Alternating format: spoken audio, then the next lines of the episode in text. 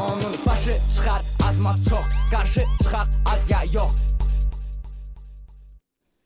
Salam, ə, yenə efirdə ə, canlı yayımda ə, hər 6-cı gün olduğu kimi ə, canlı yayıma başlayırıq. Ə, bu ilin ə, yekun ə, müharibə Qarabağ ə, müharibəsinin yekununu ə, bir neçə silsilə verilişlərdə danışdığımız kimi edirik. Bu gün qonağımız ə, Heydər Mirzədir. Heydər Mirzəni siz ə, həm ictimai radio, ictimai televiziyadakı ə, verilişlərindən, həm də ə, son xüsusilə müharibə dövründə ə, kifayət qədər aktiv və ə, diqqəti çəkən ə, Kalibr layihəsindən ə, çox güman ki, yaxşı tanıyırsınız.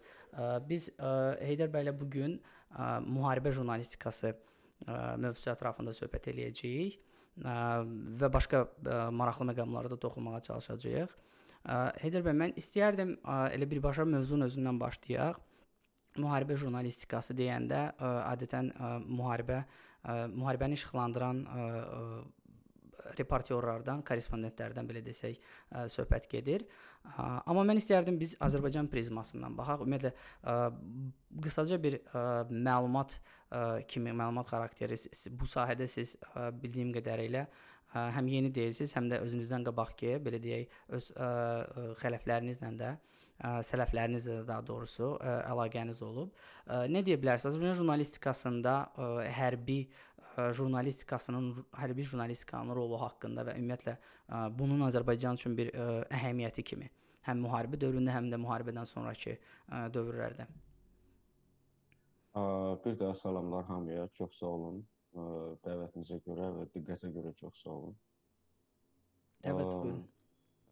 Əslində biz ə, müharibə jurnalistikası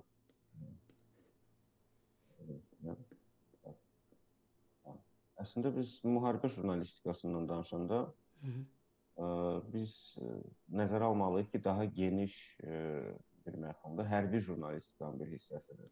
Bilirsiniz necədir? Bax götürək biz böyük nəhəng dövlətləri, Abş Rusiyanı, müxtəlif ə, planetin müxtəlif yerlərində qaynar nöqtələrində bu ölkələrin silahlı qüvvələri və və digər şəkildə hərbi birləşmələri iştirak edir və bu ölkələrin hərbi jurnalistləri təbii ki, belə geniş seçimə malikdirlər ki, daha çox yalnız bilavasitə hərbi footage-ləri edə bilərlər və s. müxtəlif yerlərə gedə bilərlər, Suriyaya gedə bilərlər, məsələn, Afrikaya və s. Azərbaycan kimi ölkələrdə hansının ki, silahlı qüvvələri yalnız daha çox indi biz sülh məramlı şimali əməliyyatlar nəzərdə tuturam, amma daha çox bizim üçün hərbi jurnalistika Qarabağ demək. Yəni deyilmi ilk növbədə?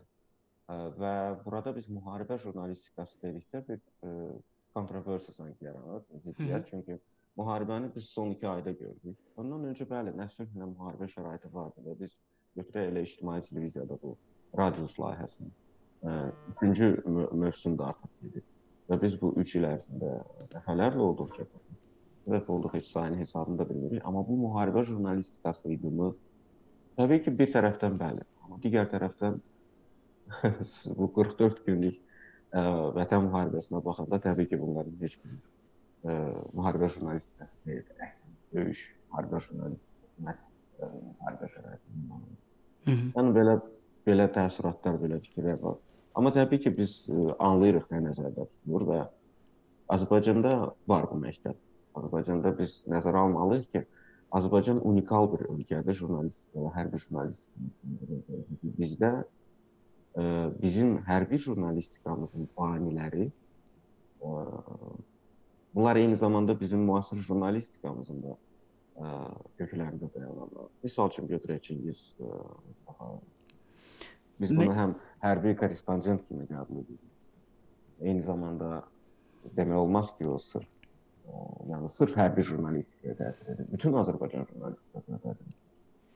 Yəni ə, bu nöqteyi nəzərdən bəli var bizdə bu məktəb kifayət qədər ə, müstəqillik dövründən var, amma müasir hərbi jurnalistikaya gəldikdə bizdə hərbi jurnalistlər var və hərbi müxbirlər var. Amma yəni bir korpus şəklində bunu təsəvvür etsin. Amma ki. Müharibədə qazandığımız təcrübəni təbii ki, kimi Mən onu nəyə görə dedim həm də, ə, siz Çingiz Mustafayevin adını çəkdi. Bu da təsadüfi deyil. Ə, Çingiz Mustafayev həm də Azərbaycanın milli qəhrəmanıdır. mən təsəvvür edə bilmirəm və yaxud da belə bir başqa bir belə bir alternativ nümunə olduğunu, başqa bir ölkələrdə olduğunu da dəqiq bilmirəm, amma jurnalistin milli qəhrəman seçilməyi məqamı həm də çox yəni hərbi jurnalistikanın önəminin Azərbaycanda rolunun bir göstəricisi kimi dəyərləndirmək olar deyə düşünürəm. Yəni bu məsələlər var idi. Həm də 2-ci Qarabağ müharibəsi tək 2-ci Qarabağ müharibəsində yox, elə sizin özünüzdən başlayaq. Çox istərdim kalibr layihəsi haqqında danışaq. Kifayət qədər maraq çəkən və hardasa biraz daha aqressiv belə deyək, yanaşması ilə görünən bir layihə idi. Amma mən mənim üçün ən maraqlı məqamlardan biri kalibr layihəsinin dili idi. Yəni bu ingilis dilində yox, Azərbaycan dilində yox, məhz rus dilində olması idi. İndi əlbəttə bu haqqda daha ətraflı danışasınız. Qısaca məlumat verim ki, kalibr layihəsi həm ə, Heydər bəyin, həm də ə, özünü inkognito saxlamağı ə, üstün tutan Hans Kloss ə, ləqəbi ilə tanınan ə, yaradıcısı ilə bir yerdə aparır. Ə, Hans Kloss çox maraqlı ə, əlbəttə ə, obrazdır. Ə, yanılmıramsa ə, ə, Stavka больше жизни belə bir serial olmalı idi. Ə, oradan götürülmüş bir obraz. Hə, ə, şey deyirlər, double agent deyirlər, yəni ə, şpion və yaxud da agent belə deyək, həm keçmiş Sovet dövründə Almanlara qarşı, yəni faşist Almaniyasına qarşı mübarizə aparan bir növ bizim Mixailo kimi bizim yerli izləyiciyə daha şey olsun. Casusdan söhbət gedir. Yəni Hans Kloss ləqəbini ondan götürüb. Yəni kalibr layihəsinin dili mənə önəmli idi. Nəyə görə məhz rus dilində? Yəni bu təkcə sırf ermənilər başa düşsün deyəmi idi, yoxsa burada başqa başqa rus dillilər də mi başa düşsün deyə idimi? Yəni nəyə görə rus dili seçildi? Sırf layihənin dili kimi. Burada müxtəlif səbəblər var. Birincisi biz ə, anlamalıyıq informasiya müharibəsində və ümumiyyətlə informasiya fəaliyyətində, dövlət propagandasında və yaxud fərqi yoxdur. Siz hansısa mənaları nəsə çatdırmaq istəyirsinizsə, özəl olaraq da ola bilər. Ə, siz eyni mətni, eyni kontenti ə, götürüb bütün dillərə tərcümə etsəz, misal üçün Azərbaycan mediasında bu problem var. Bəzi saytlar eyni xəbərləri Azərbaycanca, rusca, ingiliscə paylaşır. Mən Ermənistan mediasında belə şey görürəm. Bilirsiniz nəyə görə? Siz Newzam saytına girsəz, misal üçün, görərsiniz ki, orada ingilis dilində daha çox Ermənistanın qərbin obrazı, yəni qərbin gözündə müsbət obrazı üçün formalaşmasına olan xəbərlərdir. Və yaxud da rus dilinə girsəz, görərsiniz ki, orada ODKB ə, falan, yəni belə. Təbii ki, bütün mənbələrdə elə deyil, çünki mənbələr yəni sonunda yəni Hı. onların dilindən fərqli olaraq siyasi düşərgəyə baxırdılar Ermənistanda. Amma ki, yəni ümid, ümid edirəm ki, siz anladınız mən nəyə nəzər. Başa düşdüm. Eyni kontenti bütün auditoriyalara çatdırmaq olmaz. O ki qaldı kalibr.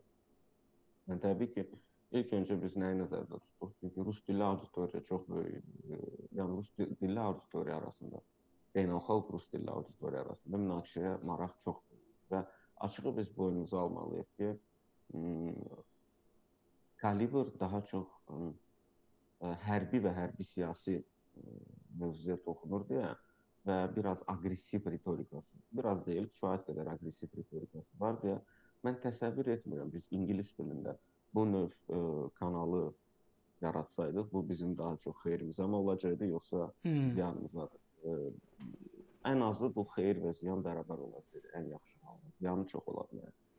Hmm. Ə, ingilis dilli kanallara, auditoriyalara müxtəlif digər üsullarla, alətlərlə işlədik və diqqətli izləyici fikir verərdi ki, məsələn, o 44 gün ərzində 44 gün olmadıq, təxminən 40 gündən biraz az olduq. 36 gün olduq. Desin. Bu müddətdə biz şəxsən mən misal üçün ictimai TV kalibr layihələrindən başqa ingilis dilli auditoriya üçün birbaşa live-a çıxırdım oradan və məsələn A-News Türkiyənin ingilis dilli və onlara çatdırdığım kontent, ton, ton da çox vacibdir. Yəni orada həssas məqamlara belə nəzər yetirməlidir. O edilirdi, amma kalibr sırf Bilirsiniz necədir? Rus dilli auditoriya arasında kalibr üçün kimlər maraqlıdır? Rusiyada, Ukraynada, Belarusda olan hərbi ekspert, Gürcüstanda siyasi analitik, Ermənistanın özü. Ə, çünki müəyyən destruktiv mənaları, yəni onların psixologiyası üçün destruktiv mənaları biz çalışırdıq çatdıraq yeridə yollar. Ə, məşhur ə, kadrlar var idi, hansılar ki, əhsən Antiklosa bir ə, o icazəni aldı, ə, biz düşə bildik cəbhənin həmin istiqamətində və o zəncirlənmiş düşmən pulemyotçularını biz kadrları ala bildik. O kadr kadrlar bütün dünyanı gəzdi. Mən istərdim o tərəf danışacağıq. O tərəf mənim ə, suallarım da olacaq. Ə, həm zəncirlənmiş, həm də ə, əli qolu bağlanmış posta və yaxud da maşına bağlanmış ə, erməni əskərləri ilə bağlı. Amma fokus o, olmaq istərdim daha çox bu dil məsələsindən danışdıq. Ə, məsəl üçün aqressiv olduğunu dedik, kalibr layihəsinin aqressiv dil götürdüyünü və birbaşa ə, dövlətin ə, təbliğatının, yəni Azərbaycan bir dövlətinin və dövlətçiliyin təbliğatı kimi ə, görə bilərik. Ümumiyyətlə jurnalistikada nə dərəcədə ə, düzgündür ə, belə bir ə, aqressiv ə, jurnalistikanın olmağı? Məsələn, hamımıza çox yaxın belə deyək, yaxın olmasa da, yəni uzaq olsa yaxşıdır. Tanış olan Vorganza layihəsi var idi. Simeon Pegov. Yəni bu bu kimi adamlar ə, ə, da aqressiv jurnalistika aparırdı da əslində. Yəni erməni təbliğatının birbaşa ə, yəni Rusiyada erməni diasporasının ə, pulu ilə ə, yəni işləyən adam idi və hamı başa düşürdü ki, bu adam birbaşa ə, tərəfli və qərəzli mövqe tutub. Məsələn, ə, kalibr bu bu kimi layihələrə cavab idimi, yoxsa ə, yəni özündə başqa bir şey ehtiva eləyirdi? Və ümumiyyətlə nə dərəcədə düzgündür bunların olmağı? Çox maraqlı sualdır. Çox sualın suala görə biz kalibr layihəsi məncə ilk növbədə biz bunu mənim və Hans Kloss'un komanda olaraq təkamülümüzün nəticəsidir. Biz e, başladıq ictimai TV-dən, başladıq Ümumi Respublika efirindən, təbii ki, e, televiziya efirinin özünün məhdudiyyətləri, standartları və biz yəni mü müəyyən, yəni orada biraz sərt bir çərçivə e, o da anlaşılandı. Və Hı -hı. biz özümüzü orada göstərəndən sonra biz anladıq ki, artıq bu planlar var idi. Biz anlayırıq ki, gələcək xüsusən də propaganda və informasiya sahəsində iş üçün ilk növbədə internet televiziyası sahəsində və elə biz bu gün də məsəl üçün mən sizə deyə bilərəm ki, mən son 2 həftədə ə, podkast iştirak etdiyim podkastlar və yaxud da hansısa Skype bağlantılar və s. internet layihələri üçün heç də televiziya müsahibələrinin sayının sayından az deyil. Ən azı bərabərdir. Yəni bu prioritetlərin göstəricisidir. Və biz anlayırdıq ki, eyni zamanda Azərbaycan auditoriyası üçün, daxili auditoriya üçün Respublika efirində e edə biləcəyimizi artıq edirik. Artıq layihə bərqərar oldu. Adım olaraq, tim olaraq özümüzü göstərmişik. Və ə, təbii ki, bizim özümüzün də inkişafımız üçün ə, kalibr layihəsi çox vacibdir. Açığı deyim, kalibr layihəsinin qərarı birbaşa Tovuz hadisələrindən sonra başlayır. Hı -hı. Yəni ideya olaraq ondan öncə də var idi, lakin Tovuz hadisələrindən sonra artıq o ə, e, belə maddi şəkil aldı. Mən bildiyim qədər Polygon ə, e, kimi bir ə, e, layihədə nəzərdə tutulurdu. Daha sonra rebranding eləyib Calibra çevirdiniz də onu belə başa düşürəm. Adı dəyişərək. Şəxsi layihəsi idi və mən Hans Klossla tanış olanda artıq Polygon ə, brendi var idi. Hı. Ə, və sonradan artıq biz Hans Klossla işləməyə başlayanda artıq onun brendi, mənim belə bir şeylər qalmadı açığı. Çox adam düşünür ki, elə poliqon da heydərdir. Yəni belə qarışıb. Yəni okay. belə, ə, o cəhətdən mən heç özüm fikir vermirəm bunlara. Bizim üçün yəni Heydər və Hans Kloss var, yəni ən azı. Hal-hazırda kalibr layihəsi siz gördünüz necə? Təbii ki, çox təsadüfi təsadüf idi, amma çox uğurlu alındı. Çünki dərhal bundan sonra müharibə başladı və biz bu layihəni artıq ə, belə deyək, mühərriki işə saldığımız zaman ilk günlər gəldim hardaydı. Gözlənməz idi. Açıq deyim sizə biz özümüz də e, elə həmin layihə üçün çəkilişlər üçün getmişdik cəbhə xəttinə. Ayın 25-i sentyabr. Hı -hı. 26 sentyabr biz orada ola-ola biz gördük ki, ə, həyəcan verildi. Bütün briqada biz olan briqada və artıq anlaşıldı ki, cəbhədə nələrsə baş verir, 27-si döyüşlər başlayır. Və artıq kalibr özünü sanki birbaşa elə doğulan kimi döyüş şəraitində işləməyə başladı. Bu bizim planlarımıza böyük təsir etdi. Çünki biz təbii ki, təsəvvürünüzə gətirin ki, siz plan vurursunuz özünüzə ki, həftədə bir dəfə məsəl üçün bu cür video olacaq, həftədə 2 dəfə. Bu cür olacaq. Belə eləyəcək, eləyəcək və, və siz başlayan kimi müharibə başlayır. Və siz ön xəttəsiz. Və iş rejimi təsəvvürünüzə gətirin nəyə gəlir? Yəni avral. Yəni belə hər şey improvizə olunur, hər şey ə, e, ruslar demişkən paxod ediyorlar işin əsnasında. Hı -hı. Amma ə, e, insanların dəstəyi çox böyükdür. Çünki mən nəyə fikir vermişəm? Bilirsiniz, insanlar bəzən bizi tənqid edəndə də insanlar destruktiv şəkildə tənqid edirlər. Sanki istəyirlər ki, layihə daha da təkamülləşsin, daha da ə, ölkəyə xeyir gətirsin. Amma ki, jurnalistlərin mən qayıdıram sizin sualınıza. Jurnalistlərin bu şəkildə məsəl üçün propaganda, hı, aqressiv olmaları və belə bu cür. Bizə jurnalistika çox geniş məfhumdur. Ola bilsin ki, ə, ə, jurnalistlər var ki, ə, Wild ə, Planet, Animal, heyvanlar aləmi haqqında çəkirlər və gedirlər məsəl üçün elə fantastik footage-lər, reportajlar edirlər. Və o da bir aləmdir. Yəni onun hərbi jurnalistikaya heç bir aidiyyəti yoxdur. Öz qayda qanunları var, özünün hətta biznes kuralları var. Branding və marketinq kuralları var. O qaldı bizə. Biz hərbi jurnalistikada olarkən özümüzə ilk növbədə sualı verməliyik ki, biz burada birinci nə gəlir, hərbi yoxsa jurnalist? Hı. Və mən bir Azərbaycanlı olaraq mən ə, e, ön xəttdə olduğum zaman özümü ilk növbədə döyüşçü hesab edirdim. Təbii ki, hərbi jurnalistin kredosu var. Odlu silaha heç vaxt əl vurmamalı. Və olub cəbhə xəttində mən görmüşəm, mən demirəm hansı kanallar, hansı mənbələr. Görmüşəm ki, hərbi jurnalistlər əllərində silah şəkil çəkdirirlər falan. Bilirsiniz, hərbi jurnalist sanki həkimdir. Həkim yalnız soyuq silaha toxunur. Çünki onun alətidir. Jurnalistin silahı onun sözü və qələmidir və o silahı əlinə götürdüyü an o artıq kombatant sayılır. Non-kombatant statusundan çıxır və öz eyni zamanda öz həyatını belə təhlükəyə qoyur. Artıq ona atəş bilərlər. Düz deyil, silahsız olanda da açırlar. Siz bunu gördünüz. Amma ki, yəni bu bir qaydadır. Hər bir insan öz peşəsində qaydalarını. Bir, bir də belə bir şey var da, məsələn, ə, sahədə olan ə, jurnalistlə yanaşı, ə, jurnalistlə yanaşı ə, az artıq yəni müasir texnologiyanı ignor eləmək olmur. Ə, yəni birbaşa ə, aktiv ə, hərbi zonalarda olmayan amma internet üzərindən izlədiyi məlumatlarla, ə, yəni bu işi işıqlandırmağa çalışan ə, jurnalistlər var. Mən xüsusilə ə, Ukraynalı ekspertlərin ə, çəkdiyi diqqəti ə, yəni Azərbaycan xüsusi diqqət göstərməyini vurğulamaq istəyərdim. Ə, istər Aleksey Arestoviç olsun, istər ə, Yuri Podolyak olsun. Ə, bu bunlar özünü həm hərbi ekspert kimi göstərirdi, həm də müəyyən mənada işıqlandırırdı ki, ə, burada nə baş verir, hansı hərbi ə, əməliyyatlar gedir və son durumla bağlı.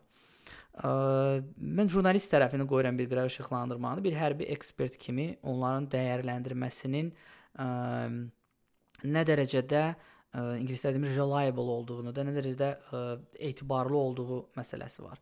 Məsələn, ümumiyyətlə nə dərəcədə düzgündür ə, Ukraynada oturan bir nəfərin ə, internetdə baş verən məlumat, internetdən götürdüyü məlumatlar əsasında hər hansı bir hərbi ə, əməliyyatları analiz eləməyi.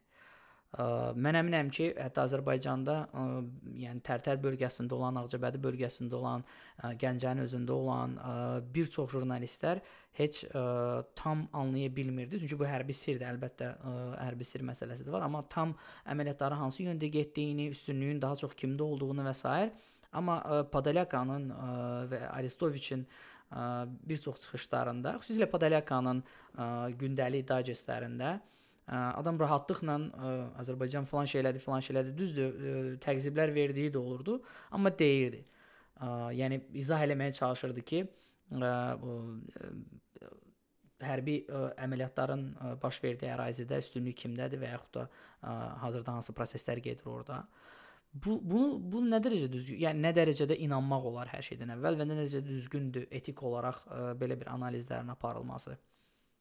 İndi onda bir-bir cavab verək bu suala. Bir də keçmiş sualda Vorgonzu məsələsi var idi, onu yadımdan çıxdı cavab vermək, ona da qayıdacağam. Hı -hı. Bu ekspertlər, bilirsiniz, ilk növbədə ekspertlərin siz çadaladığınız adamların, məsəl üçün Podolyak, Arestoviç və s. bunlar Arestoviç və Podolyaka biraz fərqlənirdilər fokuslarında. Arestoviç daha çox siyasi məqamlara üstünlük verirdi çox vaxt.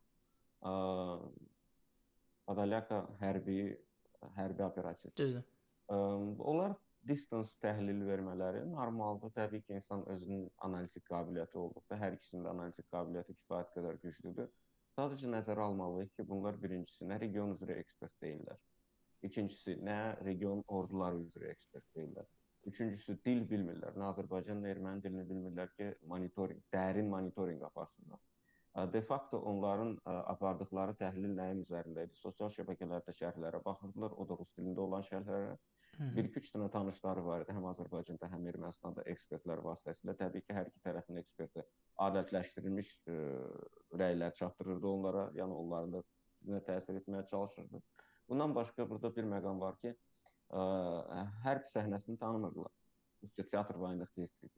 Hərb səhnəsini bilavasitə tanımaq çox vacibdir. Çünki hətta mən özüm ə, cəbhə xəttində olan vaxtı hər döyüşdə, hər əməliyyatda demək olmaz, amma bəzən sən hiss edirsən ki, sən bunu gətirib, ya bu dərəni, bu çayı, bu təpəni sən şəxsən gəlib özün görənə kimi sən vəziyyətin necə olduğunu anlaya bilməzsən. Çünki Google Earth-dən izah eləmək olmur da, oradakı çətinlik olsun, relyefin.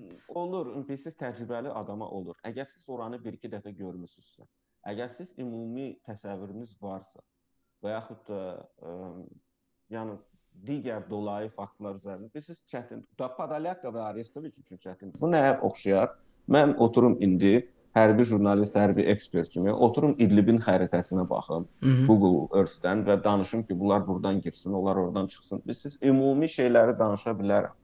Amma xüsusən də piyadaların döyüşə gəldikdə, xüsusi əməliyyatlar xüsusi təyinatlıların ə, e, fəaliyyəti və s.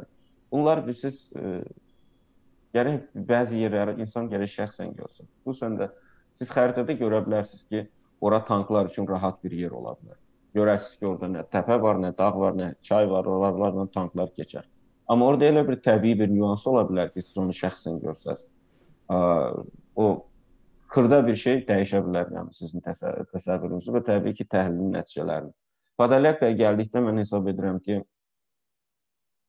ə, daha çox bilirsiniz, ə, Rus Rus meyilli deməzdim ona, amma məndə elə bir təəssürat var ki, daha çox Rusiyanın ə, maraqlarına uyğun bir şərhlər verir, alətləşdirilmiş qaydada. Mənə də maraqlı idi. Sizdə üzr istəyirəm, kəsdiyimə görə sözünüzü. O ə, Rusiya qoşunu haqqında danışanda xüsusilə siyasi analizlərdə Türkiyə qoşunu və Rusiya qoşununu qarşılaşdıranda ümumiyyətlə Rusiya qoşununun ə, təyyarənin vurulma momenti Azərbaycan silahlı qüvvələri tərəfindən Rus təyyarəsinin Ermənistan ərazisində vurulması momentində və s. Ə, yəni sanki Rusiya dünyanın ə, yəni əlahiddə super qüvvəsi, super ordusuymuş kimi belə bir rəğbətlə dediyi məqam var idi. Sözünüzü dəstək kimi deyirəm. Ə, o məqam var idi, düzdür? Bəli, var idi, amma təbii mən yenə deyirəm, onun analitik qabiliyyətlərinə təsir etmir. Yəni kifayət qədər təcrübəli adamdır. Biraz sonuncu videolardan birində, demək mən dünən dünən idi gördüm. Mənə çox təsir etdi. O yəni rusca deyim ki, Brigib idi. Yəni heç xoşuma gəlmədi. Nəyə görə? Çünki demək bu adam dedi ki, Azərbaycan mediasında mən bir dəfə də bir rastlaşmamışam ki, Azərbaycan mediası desin və yaxud da hansısa rəsmi və yaxud da qeyri-rəsmi şəxs çıxsın desin ki, biz yaxın bir zamanda bu torpaqlara yenidən qayıdacağıq. Hansı layihələr başlayıb ki, onlar ora qayıdır və s. Bu torpaqlar Azərbaycana de facto lazım deyil. Bu məni biraz özümdən çıxartdı, çünki açığı bu müharibə hələ bit bitməyə qalsın bir yana. Başlayandan bu günə və izləyicilər də təsdiqləyir. Azərbaycan mediasında, ictimaiyyətində ə, diskurs əsasən nəyin ətrafında fırlanır? Biz ora ha vaxt qayıdacağıq.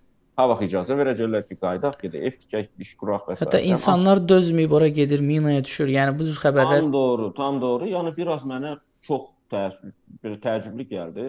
Ə, yəni artıq bu kifayət qədər şişir. Qərəzli bir mövqedir də belə deyək. Çox qərəzli bir mövqedir. O ki qaldı Arestoviç. Arestoviç e, Podolyaka qədər Arestoviç də biraz əksidir onun. E, Arestoviç sırf Ukrayna eksperti olaraq şərh verir. Və Rusiyadan amma, xoşu gəlmir. Bəli, amma bir şey var ki, Arestoviç e, artistdir və Arestoviç özünü sanki belə seks simvol kimi aparır və siz fikir versəz, yəni mən heç kimin bağına daş atmıram, amma Azərbaycanda mən gördüm ki, Arestoviç sanki bilirsiniz, yəni xanımlar Arestoviçin adı gələndə, yəni müharibə zət da yaddan çıxırdı. yəni biraz Arestoviçin təbii ki, ola bilsin ki, xarici görkəmi, imidji falan, xarizması yəni oynayıb və ə, e, təbii analitik qabiliyyətlərini də üstünə gətirsəz, məncə yaxşı bir güclü, bilmirəm, Ukraynada o şoularda tez-tez deyəsən özünün də müəllif layihələri var idi. Qəşəng görsənir. O yəni ar aranjmanı ilə belə deyək də, montajı ilə falan ilə, yəni bir obraz olaraq güclü bir olur. Düzdür. Yo, indi bir o ki qaldı Vorgonzaya, üzr istəyirəm, Vorgonza. Simeon Pegov. Simon Pegov ə, cəsur adamdır. Simon Pegov qorxaq deyil. Çünki ən azı cəbhə xəttində olub. Ən azı Şuşanın ə, silahlı qüvvələrimiz tərəfindən yəni bombardmanı vaxtı, Xankəndin bombardmanı vaxtı o adam orada olub Yəni biz desək ki, Simon Pegov heç bir şeydir, qorxaqdır, yəni bu düzgün olmaz. Öz işini kifayət qədər yaxşı bilir. Məsələ başqa məsələdir.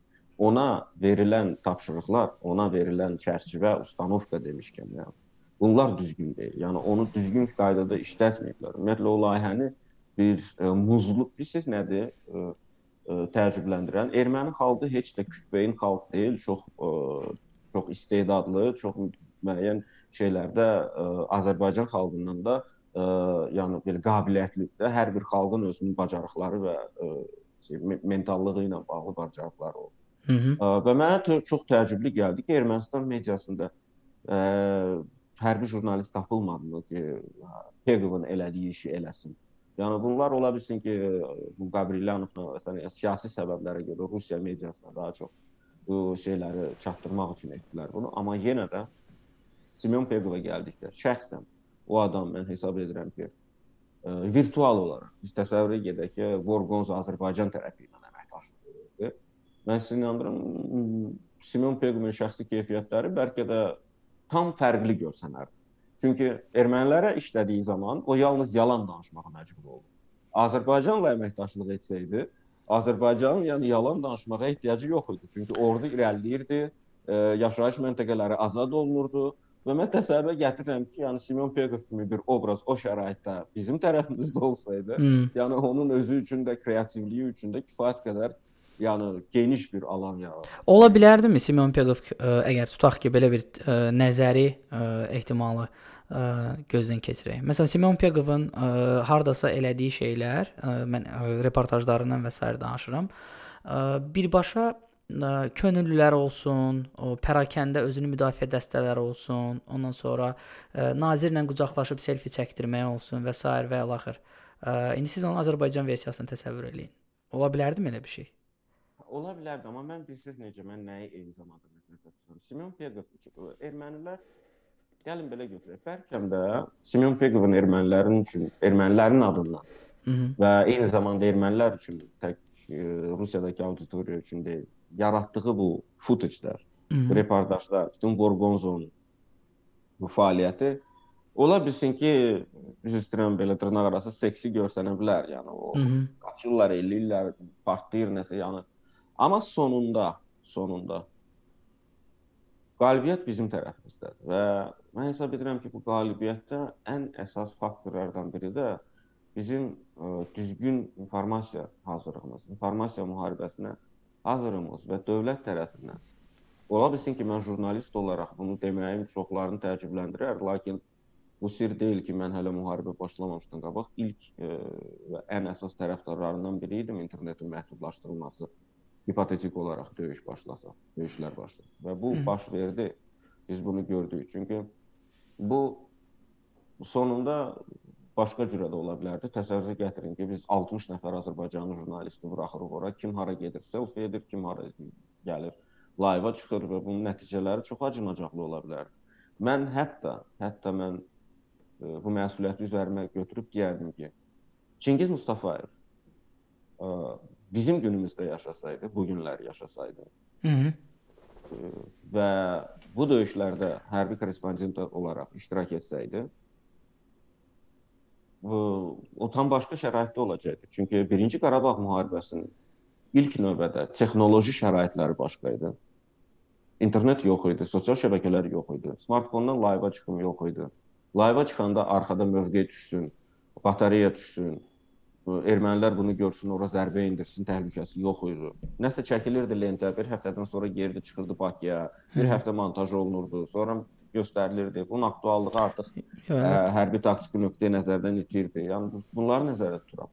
Cengiz Mustafayev ə, yəni bunun mən yenə deyirəm onun istedadına, onun qəhrəmanlığına iraq-iraq. Yəni düzgün başa düşsün izləyicilər, amma o vaxtın jurnalistikası, qayda qanunları tam fərqli idi.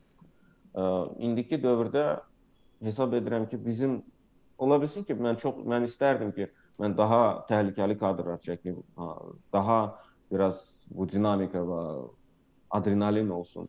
Amma biz ilk növbədə bir vətəndaş idik orada. Amma mənə elə gəlir ki, bu həm də birbaşa ə, Müdafiə Nazirliyinin peşəkarlığı və öz işini düzgün qurmasından irəli gəlir. Yəni ə, hərbi əməliyyatların, aktiv hərbi əməliyyatların getdiyi zonalara ə, nəinki yəni jurnalistlərin buraxılması, hətta mülki vətəndaşların buraxılması belə mən düşünürəm ki, elə onların ə, yəni sağlamlığı və ə, yəni təhlükəsizliyi baxımından ə, düzgün olmazdı. Bir ikincisi də ki, ə, mən əksinə ə, belə deyim, Pegovun və Kotsun o iki ə, jurnalistin, rus jurnalistin oradakı fəaliyyətlərinə baxanda mən Ermənistan ə, ə, əskərləri daha doğrusu Ermənistan komandanlığı və Ermənistan naziri ilə bağlı ə, fikirləri mənfi olurdu, nəinki müsbət. Yəni onların daha ə, qeyri-peşəkar olduğunu düşünürdüm.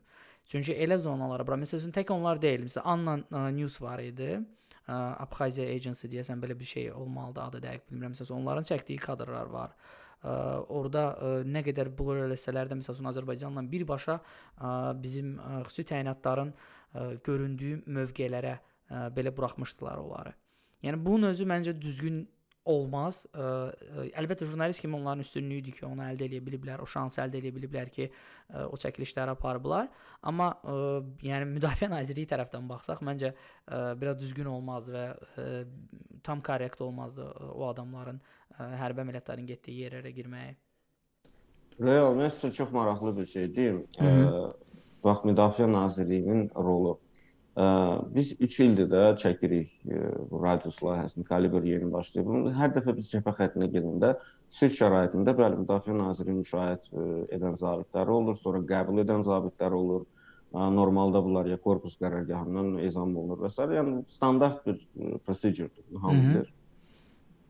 Və orada nəzarət etmək imkanları çoxdur. Çünki sülh şəraitidir dinc şəraitdə 3-4 nəfər çəkiliş heyəti gəlib, yəni nədir bunları aparıb gətirmək, çəkdirmək və s. Allah rəhmət eləsin bizim Babək Səmirliyev, cənab polkovnika. Normalda yəni korpus komandirinin müavini olaraq şimal istiqamətdə o edirdi bu işləri. Hı.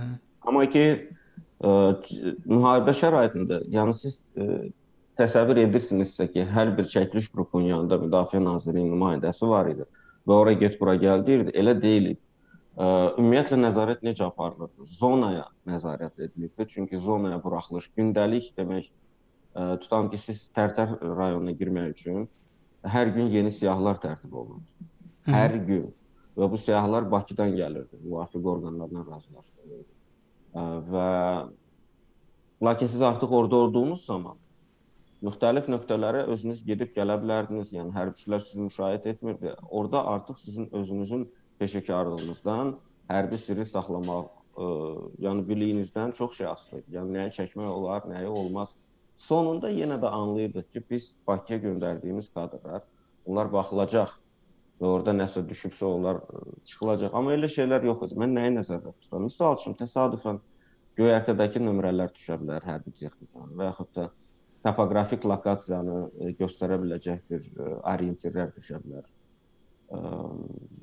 təcrübəli kəşfiyyatçı, ə, erməni kəşfiyyatçısı, hansı ki, xüsusən də Azərbaycanda alınıb, anadan olub o vaxtı ə, müxtəlif şəhərlərdə olub, topoqrafiyanı bilir.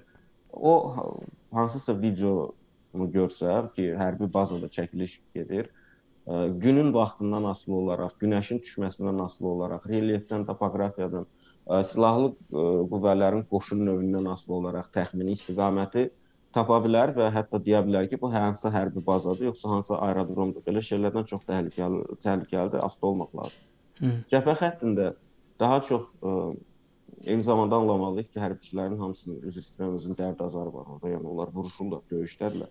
sizi nəzarət etməyə ha vaxt imkanları olur. Artıq bilavasitə siz ön xəttə çıxanda, bəli, onda bilavasitə yanınızdadılar. Amma yenə də orada ə, şərait elə deyil ki, onlar gəlsin sizin kameranızın içinə baxsınlar ki, bunu çək, bunu çəkmə. Onlar da sizə Düzdür. arxa, sizin peşəkarlığınıza arxa. Belə bir məsələ də var. Məsələn, biz adətən müharibə jurnalistikasına danışanda daha çox jurnalistlərin, peşəsi jurnalist olan adamların çəkdiyi, gördüyü işdən danışırıq, amma başqa bir məqam da var. Gündəlik deyək buna, video gündəliklər deyək buna. Əskərlərin apardığı çəkilişlər və onların jurnalistikası. Buna jurnalistika demək olar düzdür, tamam fərqli bir ə, ə, gündəlik formasında olan jurnalistikadır. Amma istənilən halda biz bunu gördük. İstər ə, başımıza bir çox, ə, yəni Azərbaycan əskərinin başına bir çox problemlər açan ə, və internetə sızan ə, mövqelərin verilməsi və yaxud da GPS vasitəsilə və yaxud da hansı hər hansı bir texnik yəni belə deyək. Hə, yəni o formada ə, problemlər yaradan ə, kadrlar olsun, istərsə də ə, hərbi cinayətlərin qeydə alındığı ə, kadrlar olsun. Nəinki Azərbaycan tərəfindən, yəni Ermənistan tərəfindən də bunlar yayıldı. İnternet dövrünün reallığıdır. Ə, bunların hamısını gördük. Mən istəyərdim onları analiz eləyək. Bunların birinci hər şeydən əvvəl bunların ə, olması faktı, ə, bunların qəbul ə, olunması faktı ki, yəni bunlar olub, bunlar qəbul etmək lazımdır. Ə, eləyən adamlar ə, cəzalandırılmalıdır və s. İkincisi isə ə, bu bu yəni bu videoların yayılmağının işıqlandırılması. Məsələn, bir jurnalist bu videoları necə işıqlandırmalıdır?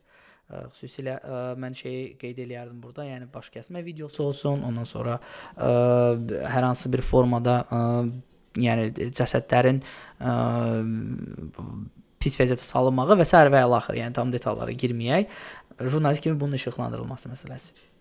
Real bəy, biz necədir? Burada demək, e, götürək ilk öncə götürək ümumi çəkilişləri, smartfona aparılan çəkilişlər. Biz bilirik ki, qayda ilə yəni əskər və zabit heyətinə ön xəttə smartfonlar qadağan olunur.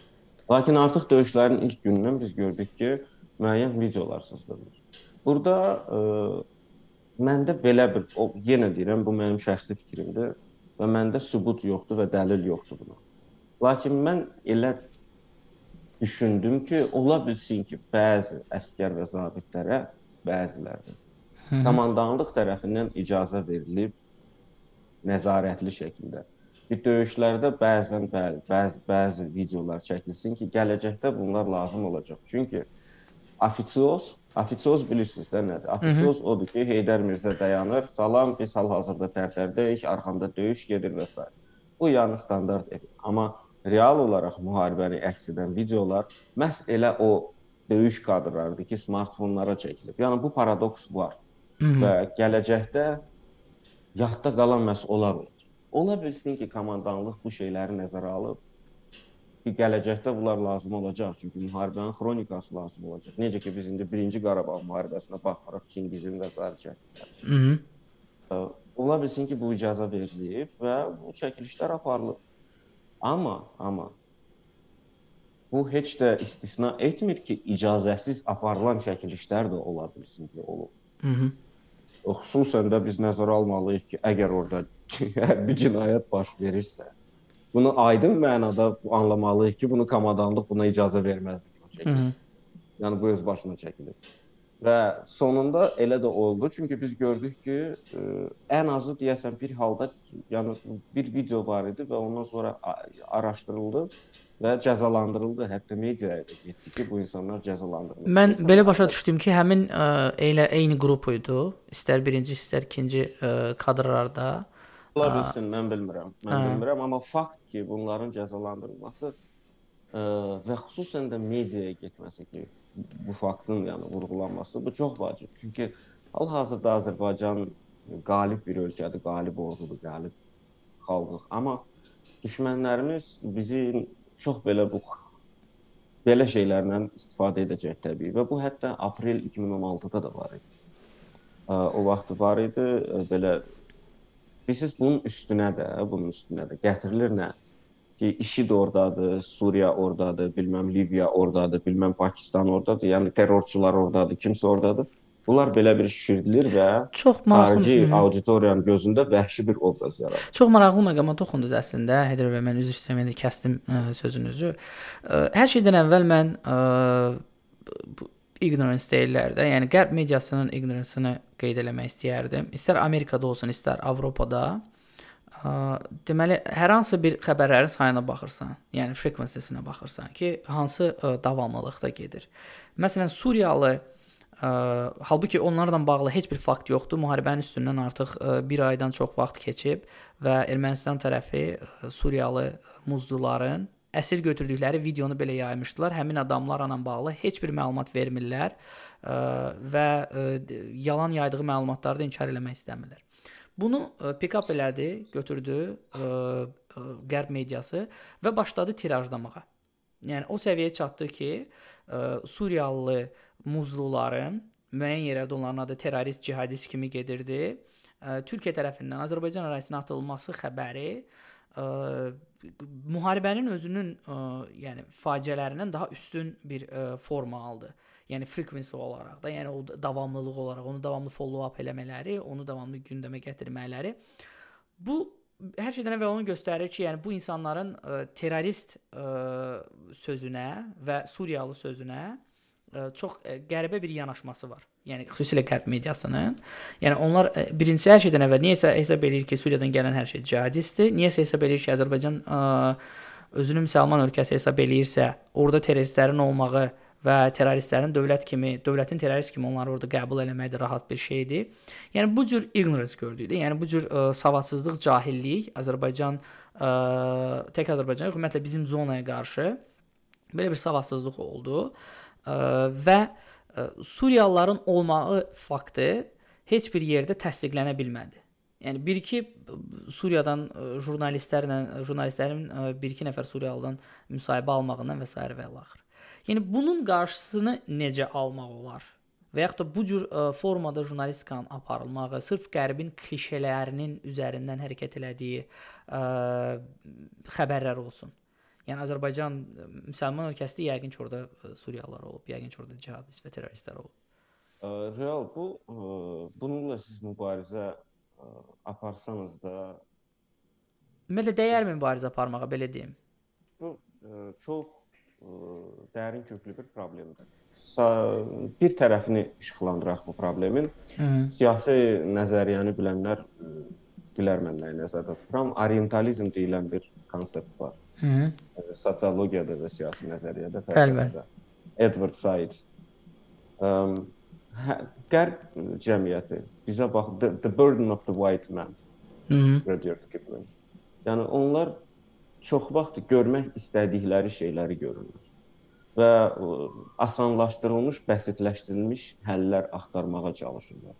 Simplistic decisions. Nəyi nəzərdə tuturam? Əgər biz deyiriksə ki, biz ə, multietnik bir dövlətik, biz tolerant bir dövlətik, biz müsəlman ölkəsiyik, biz amma dünyəvi ölkəyik, belədir, belədir. Bizim məsələn zəngin ə, Avropa hissimiz var, bizim Avropa mədəniyyəti bizə belə təsir edir, belə təsir.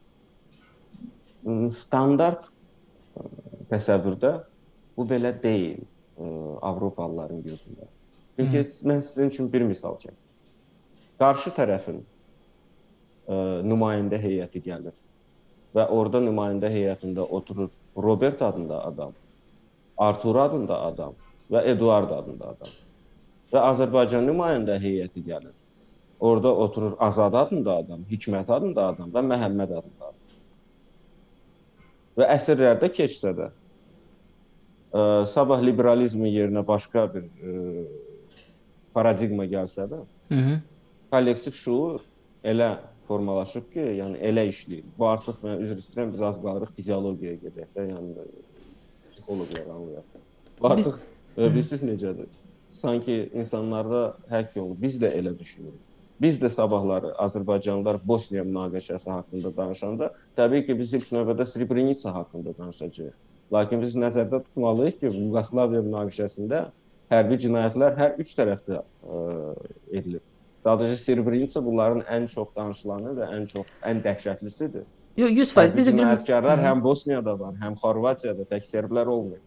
Yəni hər kəs bu Carlos Castaneda da deyilən toçka sborki, yəni hər kəs öz paradiqmasından anlayır. Və təbii ki, Avropalı baxır ki, Ermənistanın yaratdığı imic xristian ölkə, ə, regionda az qala ümumiyyətlə Asiyada ilk xristian ə, dövlət qədimi nəzərdə tuturlar. Ondan sonra ə, düşmən ə, qonşuluğu bir tərəfin Türkiyə, bir tərəfin Azərbaycan, hə, ə, Rusiya və çox maraqlıdır Rusiya ilə əməkdaşlıqları. Biz biz onlara Qərbdə deyəndə ki, məsəl üçün Ermənistanda Rusiyanın bazası var, Ermənistanın sərhədləri Rusiya tərəfindən qorunur və s.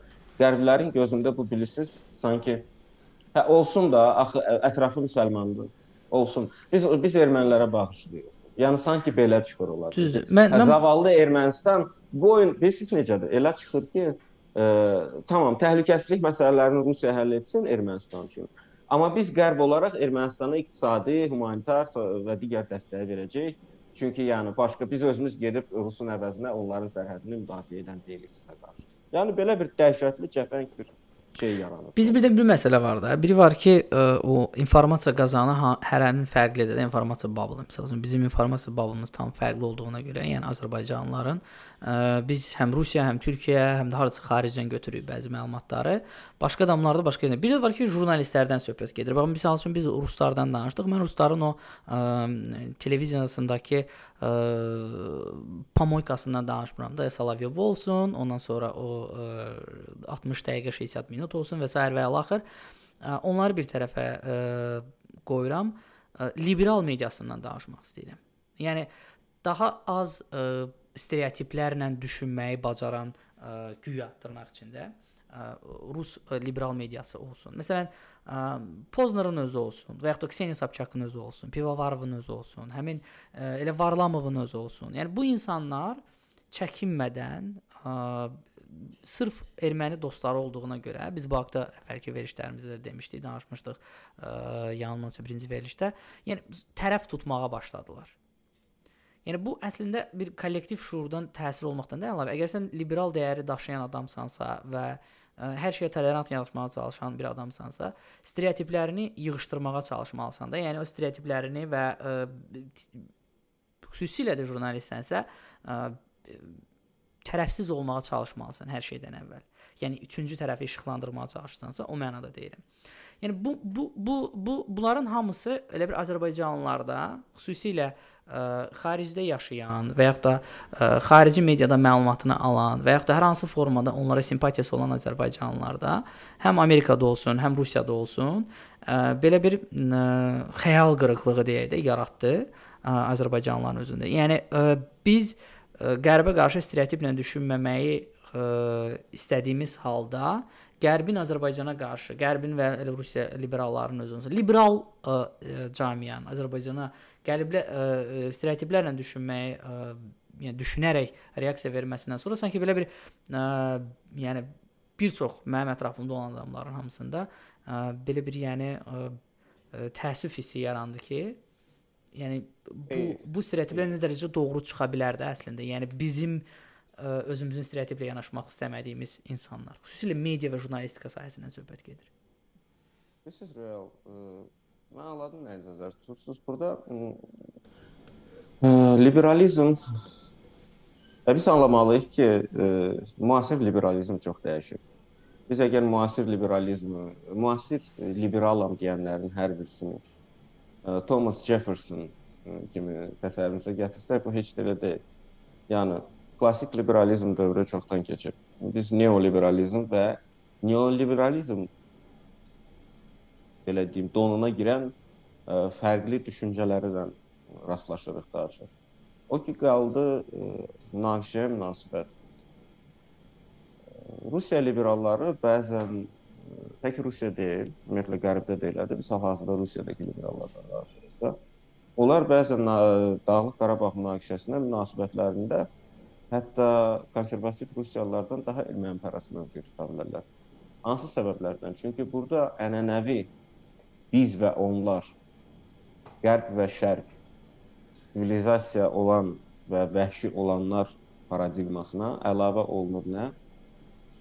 Ermənistan daha demokratikdir, Azərbaycan isə ə, demokratik deyil. Bax bu düşüncə əlavə olunur. Çünki onların gözündə Azərbaycanın daha az demokratik olmağı onun ə, haqlı davasını daha az haqlı eləmir. Yəni bu adi bir məntiqdir də. Yəni bu mənə qəribə gəlir. Məntiq ə, biz danışırıq, ə, bilirsiniz, neoliberalizm və neo, bu ilk növbədə düşüncə tərzi. Və müasir dövrdə düşüncə tərzi dedikdə biz düşünənləri, təhlilçiləri, akademiya, professorlar və s. nəzərdə tuta bilərik. Lakin insanların böyük əksəriyyəti düşüncə sistemlərinə inanır. Yəni inanır. İnanc artıq fərqli bir termindir. Və inandıkları zaman artıq məntiq ikinci, üçüncü plana keçir. Yəni inam olan yerdə məntiq üçün yer yoxdur. İnam fərqli prinsiplər üzərində qurulur. O ki qaldı yenə qayıdaq münaqişəyə münasibət. Rusiyada unutmayaq və bunu Maksim Şevçenko son bilirsiniz Maksim Şevçenkonun dediklərində razılaşmaya biləcəyimiz bəlkə də daha çoxdur nəinki razılaşa biləcəyimiz. Amma ki bir fikrində haqlıdır ki, Rusiya liberalları üçün liberal imperiya termini Cubais tərəfindən ortaya atılan hələ də aktualdır və liberal imperiya və imperiya və yaxud da hər hansı bir totalitar imperiya arasında heç bir fərq yoxdur. İmperializm imperializm. Sadəcə o əsrin birində olur feodal, sonra olur ə, e, liberal və s. İndi postliberal, neo postmodern imperializmin dövründəyik. Ə, e, və gördüyümüz şeylər, bilirsiniz, Qərb mediasında Azərbaycan üçün çox böyük bir xeyri də nədə oldu. Biz Qərb mediasını çox vaxtı ideallaşdırırıq. İnandırım sizi, mən ə, e, 4 il Almaniyada yaşamışam. Mən Şpigildə bəzən oxuduğum məqalələri Azərbaycanda belə deyək, ən rəsmi mənbələrdə belə oxuyanmazsınız onları. Belə şeylər olur. Qərb mediasında da olur. Yəni biraz bu ideallaşdırma və sanki həqiqətən də Qərb mediası elə bütün dərdazarı regionda demokratiyanın və haqq ədalətin bərpa, bər bərqərar olunmasıymış kimi düşüncələrdən ayıtdı, ayıltdı bir çox Azərbaycanda. Hmm. Bir də bir məsələ də var. Yenə də həmin o qərb ə, adamları olsun. Ə, qərbdən olan jurnalistlərin və yaxud da qərbdən olan hər hansı bir ekspertlərin, siyasi ekspertlər olsun. Yəni bu Thomas de Waal da ola bilər. Ə, ondan sonra başqa müxtəlif ə, Twitterdə xüsusilə aktiv fəaliyyət göstərən adamların ə, konflikt üzərindən ə, həm də jurnalistlər olsun. Yəni bunu görürük. Xırda, balaca jurnalistlər olsun, yəni özünə crowdfundinqlə işləyən və s bu konflikt üzərindən belə bir hakim rolunu seçmək. Yəni mən jurnalistsəm, işi işıqlandırıram deyil burada mövqe. Mövqe odur ki, sən düz eləyirsən, sən səhv eləyirsən. Yəni belə bir şey də var. Hə. Yəni bu bu bu bu bu nə dərəcədə ümumiyyətlə ə, həm qərb dəyərlərinə hər şey qoyuram qırağa, qərb dəyərindən danışırıqsa, qərb dəyərinə uyğun gəlir. Bir də ki, ə, mən bunu hardasa bir irqçilik kimi görürəm də. Yəni sən ə, Azərbaycana babuinlər kimi baxırsan və yaxud Ermənistana, ə, özünün isə daha inkişaf eləmiş bir ölkədən gəldiyini və sənin onun haqq verdiyini düşünürsən ki, ə, sən deyə bilərsən ki, kim səhvdir, kim düzdür kim hansı dəyərlərə görə düzgün eləyir, kim hansı dəyərlərə görə vəhşilik eləyir. Məsələn, Azərbaycandakı nar festivalından lağ eləyə bilərsən ki, UNESCO-da bu olmamalıdır. Və sən ona qərar verirsən niyə ki, nəyə görəsə ki, bu ə, belə bir şeydir. Yəni bu cür hallar olurdu. Mən istərdim ə, sizin də fikrinizi alın bu haqqda. Yəni ə, nə düşünürsüz? Nəyə görə belə adamlar ə, rahatlıqla bizim ə, ə, xüsusilə proqressiv olmağa çalışan, proqressiv görünməyə çalışan gənclərinə təsir eləyə bilər. Siz Hər iki tərəfdən. Bilirsiniz, bu sırf irqçilik məsələsidir. Çünki irqçilik də postmodern irqçilik şəklini alır. Ə, siz təsəvvürünüzə gətirin ki, müasir ə, Avropada bu saat right wing ə, populizm çox güclənir. Və Problem odur ki, müsəlmanlar e, elə türk dilli xalqlar, türklərlə götürə Almaniyada, Avropa ölkələrində yaşadıkları zaman nə dərəcədə proqressiv proqressiv fərqlidir. Amma onların anladıqları, məsəl üçün proqressivsiz ola bilər ki, e, yaşadığınız ölkənin dilini öyrənmisiniz, e, orada master dərəcəsi almısınız, doktoranturanı bitirmisiniz. Siz yüksək keyfiyyətli bir peşəkarsınız və yaşadığınız Qərb ölkəsinin ölkə həmin o ölkənin cəmiyyətinə, iqtisadiyyatına xeyir gətirirsiniz. Necə deyirlər bu əlavə dəyər verirsiniz. Amma siz misal üçün müəyyən müasir Avropa mədəniyyətinə xas olan və tolerantlıq ə, çərçivəsinə sığan, yəni ta, bəzi şeyləri bölüşmürsüz onlarla. Sizə proqressiv insan deyil demək olarmı ya yox? Məsəl üçün belə bir şeylərə gəlib çıxırıq. Bunlar çox mürəkkəb suallardır, çox mürəkkəb məsələlərdir və hətta müasir Avropa cəmiyyətinin özünün də içində var. Ümumiyyətlə hərb jurnalistikasına, jurnalistikaya aidiyyəti var, amma ə, ikinci dərəcəli. Çünki kökü məsələnin da çox ciddi fəlsəfi və sosioloji, tarixi Mən başa düşdüm. Burada ə, məsələn bizim medianın zəif olmağının da rolu görünmürmü?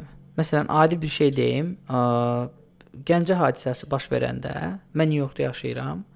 Ə, burada axşam tərəfi idi. Ə, Bakıda da, ə, Gəncədə də saat ə, gecə 2 idi və s. Mən bizim bütün televiziyaların hamısını canlı yayımını açdım. Bir dənə də televiziya ə, canlı yayım vermirdi və axırda ə, Türkiyəli ə, Türkiyə kanallarından biri, ə, TV100-dür yoxsa mindir, onlardan biri ə, canlı yayım verməyə başladı. Daha sonra ə, başqa Türkiyə kanalı qoşulmağa başladı və səhərə yaxın ə, yəni əvvəlcə bizim ə, televiziyalar onların yaydığını efiri ə, yəni o təkrar mirror ə, yaymağa başladı. Yəni onu təkrarlamağa başladı. Sadəcə efiri öz efirində verirdi. Həmin kanalların efirini öz efirində verirdi.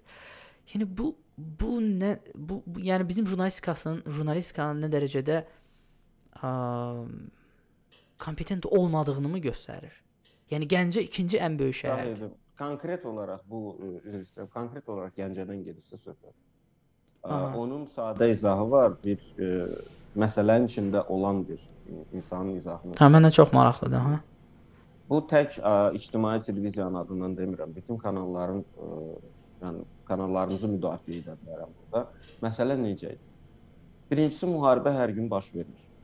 Azərbaycan mediası desən ki, Azərbaycanın 300 illik tarixi var, müasir ölkə. Mhm. Yəni və mediamızın 300 illik tarixi var. Elə deyil. Müharibə ikinci dəfədir müasir Azərbaycan tarixində baş verir. Bu təcrübə haqqında danışsaq. İkincisi, ə, həmin orada, həmin o ə, Gəncədə birinci bombardman baş verdiyi zaman Yadımdadır ki, artıq o irad söyləndi ki, niyə türklər birinci layva başladı? Çünki həmin günlərdə bütün az aparıcı Azərbaycan kanallarının, bütün regional müxbirləri, Gəncə müxbirləri daxil olmaqla, Qərb zonasının ə, müxbirləri daxil olmaqla hamısı mobilizasiya olunmuşdu cəbhə xəttinə. Və həmin anlarda vəziyyət necə idi? Mən sizə deyim. Ə, türklərin çəkiliş qrupu 3 yerə bölünmüşdü. Biri bə oy,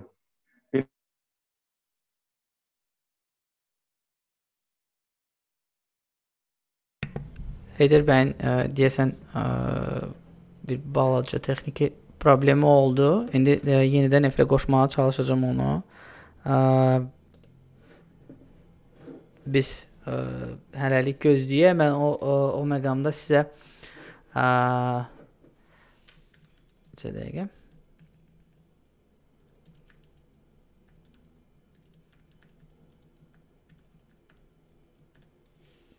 Hə, qoşulacaq Heydər bəy. Ə, yəni bu ə, hmm, qoşulur indi bir 2 dəqiqə səbirli olaq. Qoşulacaq bizim ə, bir iki mövzularımız var. Ə, onları da ə, ətraflı danışacağıq.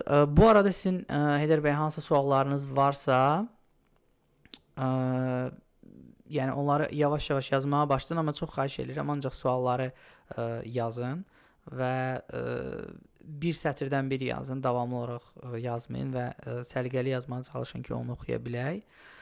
Ə, belə. Ə, indi Heydər bəy qoşulacaq. Biz davam eləyəcəyik yayıma. Ə, mövzularımızdan bir ikisini deyim nə haqqda mən hə, ən çox istəyərdim danışım. Ə, deməli, ə, bu ə, Azərbaycandakı jurnalistikanın ə, reaksiyası və s. onunla bağlı olacaq. Ə, ikinci məsələ ə, bütün bu müharibədən sonra posttravmatik sindromlar və ya da psixoloji məsələlər bunlar haqqında danışacağıq və mümkün sülh ətrafında Azərbaycan və erməni icmaları ətrafında mümkün sülh məsələlərini də müzakirə etməyə çalışacağıq. yenə də qeyd edirəm, hər 6-cı gün ə, saat 11-də ə, yayımlarımız davam eləyəcək. Ə, mən də baxım görüm siz ə, hər hansı bir sual vermisinizsə, onlarla bağlı ə, oxuyum. Okay.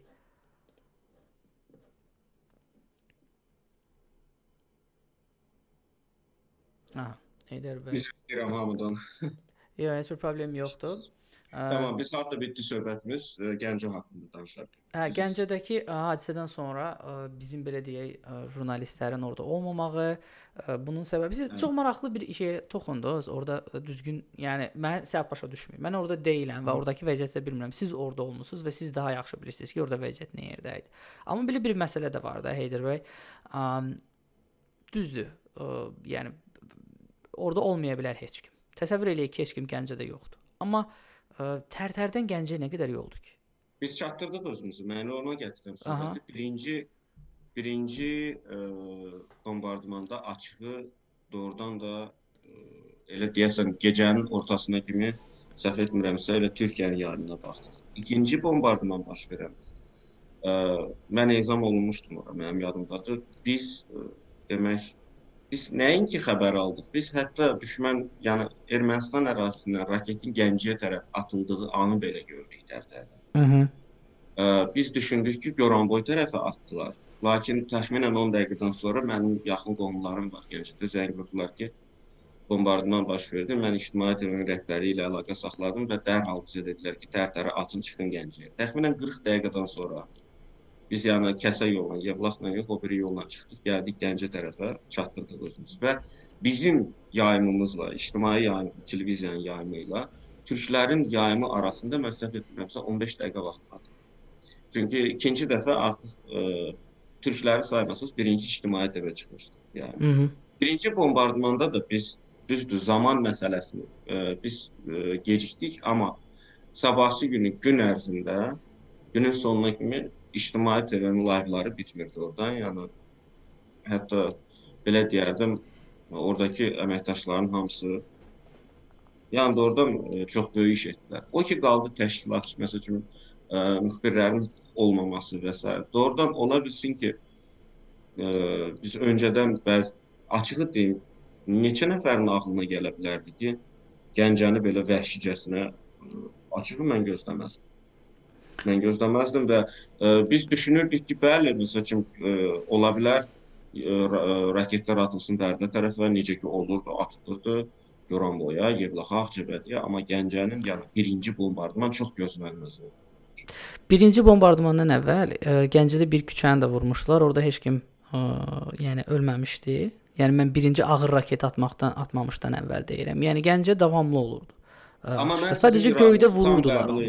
Çünki ə, açığı deyim sizə bir müxbir kimi biz də əziyyət çəkdik ki, ə, məsəl üçün həm Gəncədə olmalı olurduq, həm Tərtərdə, həm Goranboyda falan, yəni ə, biz həmin anda suallar vermirdik ki, ə, kim hardadır, kim nə, yəni bizə tapşırıq verilirdi və biz yəni çatdırırdıq özümüzü ora.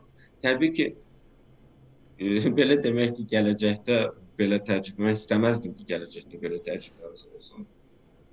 Amma ə, yenə deyirəm, bu irad ki, Azərbaycan xüsusən də birinci bombardmanda Azərbaycan kanalları gecikmişdi. Bunun yəni izahını verməm, boynuma alıram ki, yəni olub bu. İkinci bombardmana gəldikdə orada 10 dəqiqə 10 dəqiqə ilə 15 dəqiqə arasında fərq etdi. Ə, yəni çox etmədi əslində. Türklər də nəyə görə orada birinci bombardmanda dərhal çıxa bilər? Çünki 3 qrupa bölünmüşdülər. Gəncə, Yevlax, ə, bir də Bərdədə qalan heyətlər var. Ondan əlavə Gəncədə düz ə, otelin yanında olduqlarına görə hadisə yerində düz otel olmasa da yəni Hə. 5 dəqiqə yol çəkəcəkdi. Mhm. Yəni belə bir təsadüf, yəni xoş olmasa da təsadüf nəticəsində mənim də başıma gəlib belə təsadüflər. Məsəl üçün mənim yadımdadır bizim çəkiliş qrupumuzdan da bizim hətta bizim müsahibə mübahisəmiz oldu. Mən deyirdim ki, e, birinci bombardmandan sonra və bizim hava hücumundan müdafiə qoşunları artıq xəbərləri verməyə başlayanda ki, biz göydə vururuq raketlərin bəzilərini, artıq bunları kadrlar da Mən təklif etdim ki, biz gecəliyək Yevlaxla Gəncə arasında təpələrin birində Krasnodarda ə, maşının içində və kameraları qoyaq Gəncəyə tərəf ki, səma görsün. Ulduzlu da həm səma idi. və dedim ki, səhərə yaxın yəqin nə, nə düşər, düşər, yəqin nəsə nəsə tutacaq. Yəni türklərdə belə oldu. Onlar kameraları qoymuşdular və həqiqətən də vurulan anı qoyub gördülər. Bizdə başqa təsadüf oldu. Biz ə, səhərsi günü ə, yəni ə, biz qalmadıq gecə Krasnodarda çəkmədik, amma getdik səhər Bərdənin bir kəndinə, Cəbhə yanı kəndində orada çəkiliş apardıq. Traktor işləyirdi, kənd təsərrüfatı falan göstərdi ki, cəmaət öz işində. Hı -hı. Və həmin anda biz gördük ki, göydə ə, raket işlədi bizim hava hücumundan müdafiə qoşunları. Təsadüfən Yevlax istiqamətindəki səmaya baxırdı o zaman kamera. və biz o anı kalibra verdik. Kal kalibra verdik. E, yəni o təsadüfi çəkdik. Olur belə şeylər.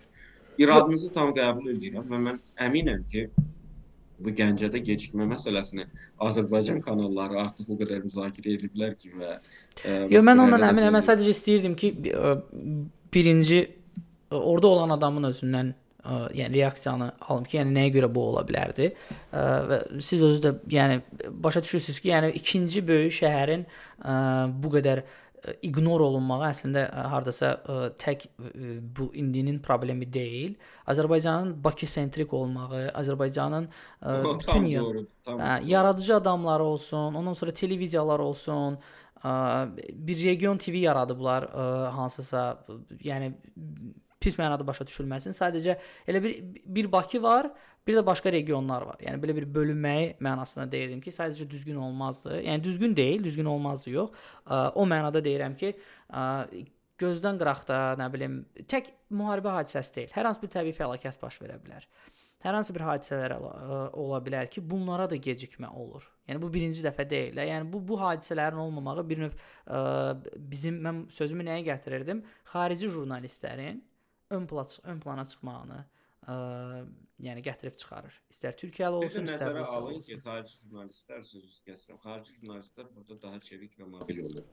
Yerli jurnalistlər xüsusən də məsəl üçün siz fikir verərsiniz ki, internet TV-lər Azərbaycanda bəzən ə, kanallardan daha çevik və sürətli işləyir. Əlbəttə smartfona çəkmək bütöv bir müharibə dövründə hə. də bu aydın görünür. Xarici jurnalistlər ə, burada təbii indi Mən demək istəməzdim ki, Azərbaycana gələn xarici jurnalistlərə imkan verilir ki, nə istəsin ki, Azərbaycanın jurnalistləri. Xeyr. Amma xarici jurnalistlərin e, burada olduğu zaman fokusları məhz hadisə bilirsiniz, türk jurnalistikasının özündə spesifikası var. Türk jurnalistikası məsəl üçün footage e, və operativ xəbərlər nöqteyi-nəzərdən mükəmməldir.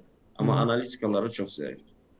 Düzdür. Və Azərbaycan jurnalist, məsəl üçün türk jurnalistləri məcbur deyildi ə, e, hər bir saatdan bir layihə çıxsın.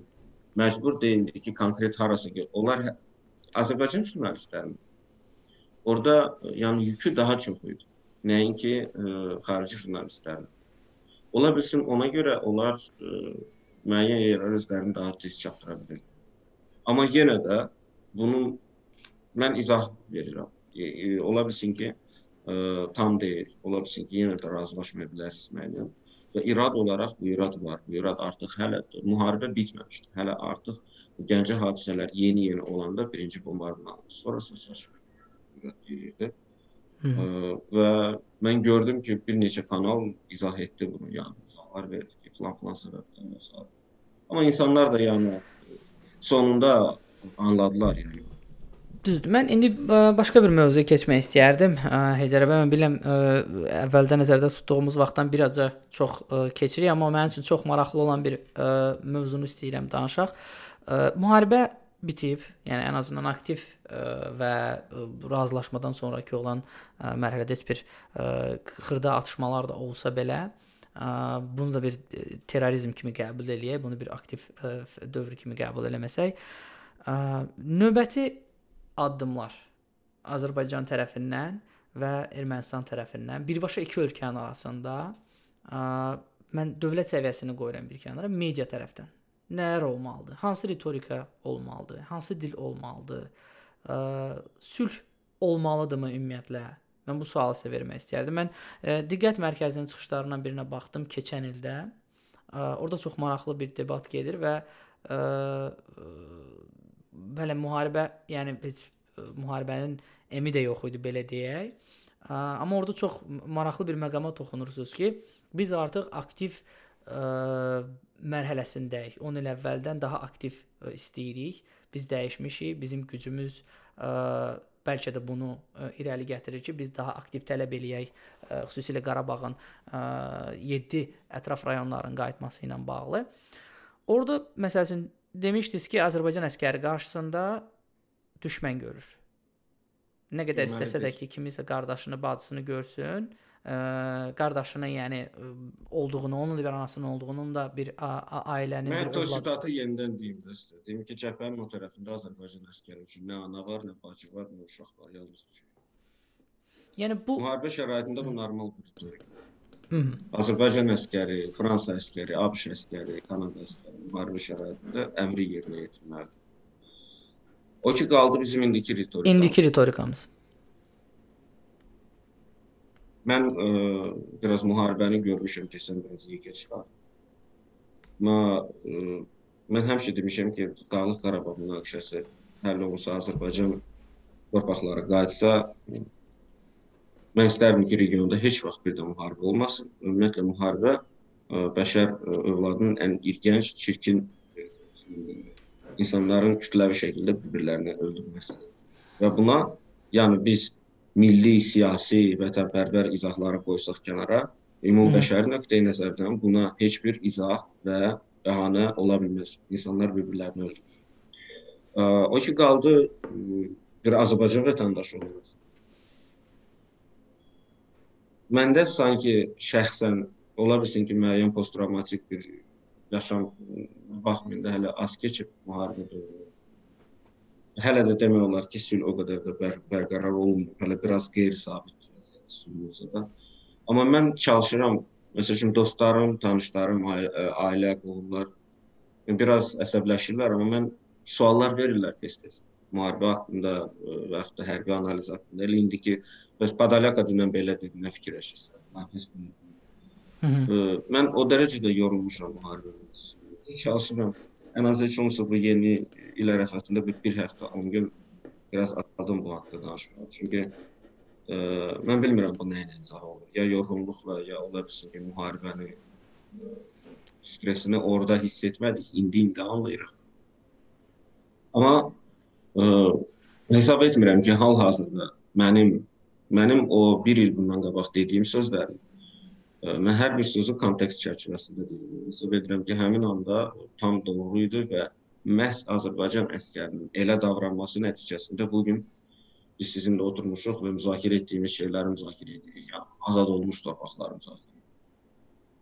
Amma e, biz nəzərə almalıyıq ki, biz Azərbaycan vətəndaşlarından danışırıq, Qarabağda yaşayan ermənilərdən danışırıq. Təbii ki, bunlar ə, e, hələ ki böyük əksəriyyəti bunu danır, bunu qəbul etmir separatçı meyllər var. Onlar da çox ağrılı bir mərhələ yaşayırlar. Ola bilsin ki, bu mərhələ nəticəsində yenidən özünü dərk ə, dərkin bir yeni bir forması çıxsın və siyasi qüvvələr peyda olsun, hansılar ki, Türkiyə ilə Azərbaycanla qonşuluq tərəfdarı olacaqlar. Sərhədlərin açılması, əməkdaşlıq və s. Biz Azərbaycanlılar burada çox ziddiyyətli bir məqam yaranır. Padalyaka ilə bununla razıyam ki, bir, videoların birində demişdi ki, hər iki tərəf bəzi şeyləri unutmalı olacaq. Və həqiqətən də bu ə, vətənpərvər ritorika nöqteyi nəzərdən biraz düzgün çıxmaz. Elə çıxır insanlar öz tarixini unutmalıdır. Heç belə şey olarmı? Adam da heç öz tarixini unutarmı? Xeyr, xeyr, ola bilməz. Amma bəzi şeyləri unutmaq da yox, göz yummalı olacağıq. Çünki biz qalib gəlmiş tərəfik və qalibiyyət çox böyük məsuliyyətdir. Güc və regionda da güc bu saat Azərbaycandır. Mən indi bir məqam da deyim də Heydər bəy, çox üzr istəyirəm yenə deyəsən ə, sözü kəsdim. Ə, sülh tərəfdarı və sülhün xüsusilə müharibə dövründə gedəndə və yaxud da müharibədən qabaq və müharibədən sonra ə, daha kosmopolit dəyərləri olan insanlar Azərbaycanda olsun, Ermənistanda olsun, ə, yəni bunlar davamlı olaraq öz fikrini bildirirdi. Yəni bu Azərbaycan tərəfdən Daha çox pasifistlər. Hə, yəni Georgi Vanyan olsun, Filip Exoyans olsun, Ekozyans olsun, deyəsən familiyasını düz deyirəm. Ekozyans. Ekozyans. Hə. Yəni bu kimi adamlar olsun. Azərbaycan tərəfdən məsələn nə bilim Arzu Qeybullu olsun, hansısa bir ə, başqa ə, ictimai fəallar olsun, hansı ki kosmopolitdir və yaxud da ə, özü anarxist hesab eləyir və s. Bunların ə, dediyi sözlər mən necə görürdüm, həm müharibə aktiv dövründə, həm də ondan sonra. Georgi Vanyanı Azərbaycanda sevirlər. Niyə? Çünki ermənilərin demədiyini deyir. Arzu Qeyballanı Ermənistanda sevirlər. Niyə? Çünki Azərbaycanlıların demədiyini deyir. Bu axı ə, sülh yolu deyil də. Yəni bu marjinallaşmış bir insanlardır artıq. Yəni bu dedikləri fikirlərə görə səsləndirdikləri ə, hardasa eksentrik və ə, belə deyək də, yəni epataj hardasa olan ə, bir fikirlərə görə marjinallaşmış adamlardır. Bunlar ümumi kütlə tərəfindən qəbul olunmayan, hər iki tərəfdən, yəni həm Azərbaycan olsun, həm ə, Ermənistan olsun, heç bir tərəfdən normal qəbul olunmayan fikirlərdir. Amma bununla bu, yəni bu mən bilirəm ki, siz Gürcüstanda da ə, üç tərəfli ə, görüşlərdə olmusunuz, sülh ə, çərçivəsində hər hansı bir proseslər olubsa, onlardan xəbərdarsınız. Yəni bunlar axı heç bir nəticə gətirmir. 30 il ərzində də heç bir nəticə gətirməyib. Və mən əminəm ki, bundan sonra da Georgi Vanyanla, nə bilim, Azərbaycanda olan başqa uşaqlarla heç nə həll edilən deyil. Yəni bu hardasa kimi sizcə niyə həll olunmur? Məncə niyə həll olunmurdu? Nəyə görə? Yoxsa necə? Və ikinci sual verim mən sizə. Artıq mən suallar verirəm. Aha, aha, deyin, deyin. Ə, real təsəvvürə gətirin. Birinci də, yəni müharibəyə qədər niyə həll olunmurdu? Aha. Və ikinci sual. Müharibəyə qədər həll olunmaq biz nəyə nəzərdə tuturuq? Public diplomacy. Mhm bizim marağımıza idimi, yoxsa bizim maraqlarımıza zidd idi müharibədən qabaq? Çünki əgər biz public diplomacy-dən danışırıqsa və icmalar arası əməkdaşlıqdan, məsəl üçün Tekali prosesi götürək də, bu siz deyirsiniz. Gürcüstanda keçən bu üç tərəf bunlarda iştirak edir. Hə, fəlsəfə nədən ibarətdir? Müharibəni yaddan çıxardaq, gəlin sərhədləri açaq, bizneslə məşğul olaq, mədəniyyət, humanitar əməkdaşlıq və s. sonra müharibə yaddan çıxacaqsınız bir ara. Amma təbii ki, bu Azərbaycan maraqlarına uyğun deyildi, çünki həmin anda olan status quo bərkidirdi. Sanki elə çıxacaqdı ki, Azərbaycanda yeni nəsil insanlar böyüyəcəkdi. Hansılar ki, deyəcəklər ki, tamam, indi işğal olub olub, amma ki, necə bax gör yaxşı uşaqlardır, gündə yığışırıq, çay içirik. Status quo-dan əlavə, məsəl üçün onların elədiyi vəhşilikləri biz sırf vaxt keçdiyinə Bəli, görə məktəb aktiv proqramında bunu keçmə, bunun hə. haqqında film çəkmə, bunun haqqında get xarici jurnalistlik şey eləmə. Yəni təsdiqlayır. Təbii ki, bu bizim marağımıza ziddir. Amma nəyə görə baş vermədi? Bizim marağımıza zidd olub baş verə də bilər. Bizi məcbur edə bilərdilər. Amma nəyə görə etmədilər? Çünki biz birinci Qarabağ müharibəsində məğlub olan, lakin sonradan daha güclənən tərəf idi. Hı -hı. Yəni güclü olan tərəf maraqlı deyildi status quo-da, revanşist mövqedən çıxış edir. İndi isə Hı -hı. revanşist mövqedən çıxış edən zəif olan Ermənistan. Hı -hı. Və bu növ təşəbbüslərin uğurla bitməsi ehtimalı daha çoxdur. Çünki artıq biz necə deyə bilərik? Ki, demirdiniz ki, Georgi Vanyan, Kazansk, Tekali proses, public diplomacy, oturaq, yeyək, içək. Problem yoxdur. Torpaqlar işğaldan azad olunub. Gəlin Şuşa ilə Xankəndinin arasında nə qədər istəyirsiniz çərçə müzakirə eləyək. Biz də gedək Xankəndiyə, siz də gəlin Şuşaya. Azərbaycandırınız. Amma ki, Ə, təbii ki, buna qarşı olacaqlar. İndi hal-hazırda erməniləri buna məcbur etmək, hansısa buna forsaj şəklində layihələr təqdim etmək, bunlar bilsin ki, yersiz olar. Onlar müəyyən şeyləri onları bu saat tək qoymaq lazımdır. Yəni Ermənistandakı erməniləri bir neçə ay özlərinə gəlsinlər, o şeyi yaşasınlar, həzm etsinlər bu məlumatı. Düzdür. Bu reallıq olaraq qəbul etsinlər. Və ondan sonra yalnız bundan sonra bilirsiniz Georgi Vanyanı, Ekoziyatı falanı Bunlar fərqli-fərqli insanlardır. Siyasi qüvvə yox. Siyasi qüvvə olsa, hansısa partiya, hansısa hərəkat, siyasi lider çıxıb bir, birinci dəfə səsləndirsə ki, biz qonşularımızla bu münaqişəni yaddan çıxarıb yaşamalıyıq. Təbii ki, müsbət dinamika yarana bilər. Azərbaycanlılara da səslənirəm öz həmvətənlərimizə. Təsəvvürə gətirin. Biz deyirik ki, ermənilər e, boyunlarını almalıdır ki, Azərbaycan vətəndaşlarıdırlar, separatçı olmamalıdır və s. Burada variantlar çoxdur. Bilirsiniz, e, siyasət və real aləm sadə oyun deyil. Necə? E, məsəl üçün Ermənistan, ermənilər, Qarabağda yaşayan ermənilər Azərbaycan şəxsiyyət vəsiqələrini qəbul edə bilərlər, deyə bilərlər ki, biz Azərbaycan vətəndaşlarıyıq, separatçılıq etməyəcəyik, Qarabağ Azərbaycan yaşayacaqlar. İndi kimi Xankəndidə, kimi Ağdərədə, kimi. İndi harda yaşayırlar. Ə, sabah bir söz sizin də məsəl üçün mənim də ermənilər arasında bir iki nəfər tanış qonşum yarana bilər. Oturacağıq biz vaxtda və çay-çayçı söhbət edəcək. Və erməni deyəcək ki, yox, erməni xalqı ən qədim xalq. Ümumiyyətlə Qarabağ Ermənistan qədim Ermənistan olub, nə nə olub falan. Siz bu insana qadağan edə bilməzsiniz bu danışmaq. Azərbaycan vətəndaşı olaraq. Yəni bu cinayət törətmir. Əlində silah, separatçı, yəni qəzet yaysa, jurnal yaysa, televiziyada desə ki, Qarabağ Ermənistandır, təbii ki, bu artıq dövlətçiliyə zidd olacaq. Amma bir vətəndaş olaraq, Azərbaycan vətəndaşı, erməni əsilli nəzər olaraq belə bir erməni kökənli bir Azərbaycan. Oturub danışsa ki, öz aləmində yenə də yaşasa, yəni siz onun beyninin içinə girə bilməzsiniz. Yəni totalitar dövlət yarada bilməzsiniz ki, siz hamınız Azərbaycanlılar kimi düşünməlisiniz. Yəni bu da zaman tələb edəcək təbii ki. Yəni bizim istədiyimiz şeylər də bir günün içində olan deyil. Nə də er, bizim üçün ən problemli tərəf odur. Ermənilər üçün də ən problemli tərəf odur ki, onların istədiyi şey artıq heç vaxt olan deyil. Nəinki bir gün içində və yaxud da 5 gün içində. Məncə burada yəni, başqa hər bir iki tərəf bunu anlamalıdır. Düzdür. Bir başqa məqam da var ki, biz erməni deyəndə biz bütün erməniləri nəzərdə tuturuq, amma əslində ə, diaspora ermənisi hansı ki General LA-da oturub ə, ömrü boyu heç ə, Ermənistanda olmayıb, ə, Qarabağla bağlı bütün ə, təsəvvürlərin hamısı ə, Google Maps-dən, ə, yəni Google Maps-dən ibarətdir. Bu adamların ritorikası daha fərqlidir, nəinki yerli xalqların. Yəni bu dəqiqə hazırda Xankəndidə oturan ə, ermənilər hətta Rusiya vətəndaşlığını belə qəbul etməyə hazırdır. Bu da deməkdir ki, bunların bu bu, bu da o deməkdir ki, bunların loyallığı Ermənistana bağlı deyil. Yəni bir ölkə olaraq. Yəni bunların loyallığını rahatlıqla ələ almaq olar. Sadəcə ortada bu ə, pan Erməniyə erməniçilik aparan böyük Ermənistan ə, xülyası ilə belə deyək yaşayan ə, adamların əlaqəsini necəsə oradan kəsmək lazımdır. Bir, ikinci də necəsə bu ə, erməni xüsusi ə, yəni ə, erməni KGB-si də belə deyim, yəni bayaqdan fikirləşirəm. Hə, xüsusi orqanlarının ə, ventilasiya, yəni o adi vətəndaşların arasında yeriməməsi üçün də, yəni bunu necəsə təmin eləmək lazımdır. Bunu bir ə, düşünmək lazımdır. Bir ikincisi də yəni o yerli xalqa, Xankəndi, yəni diasporanı artıq boş vermək lazımdır. Mən belə düşünürəm. Nəyə görə?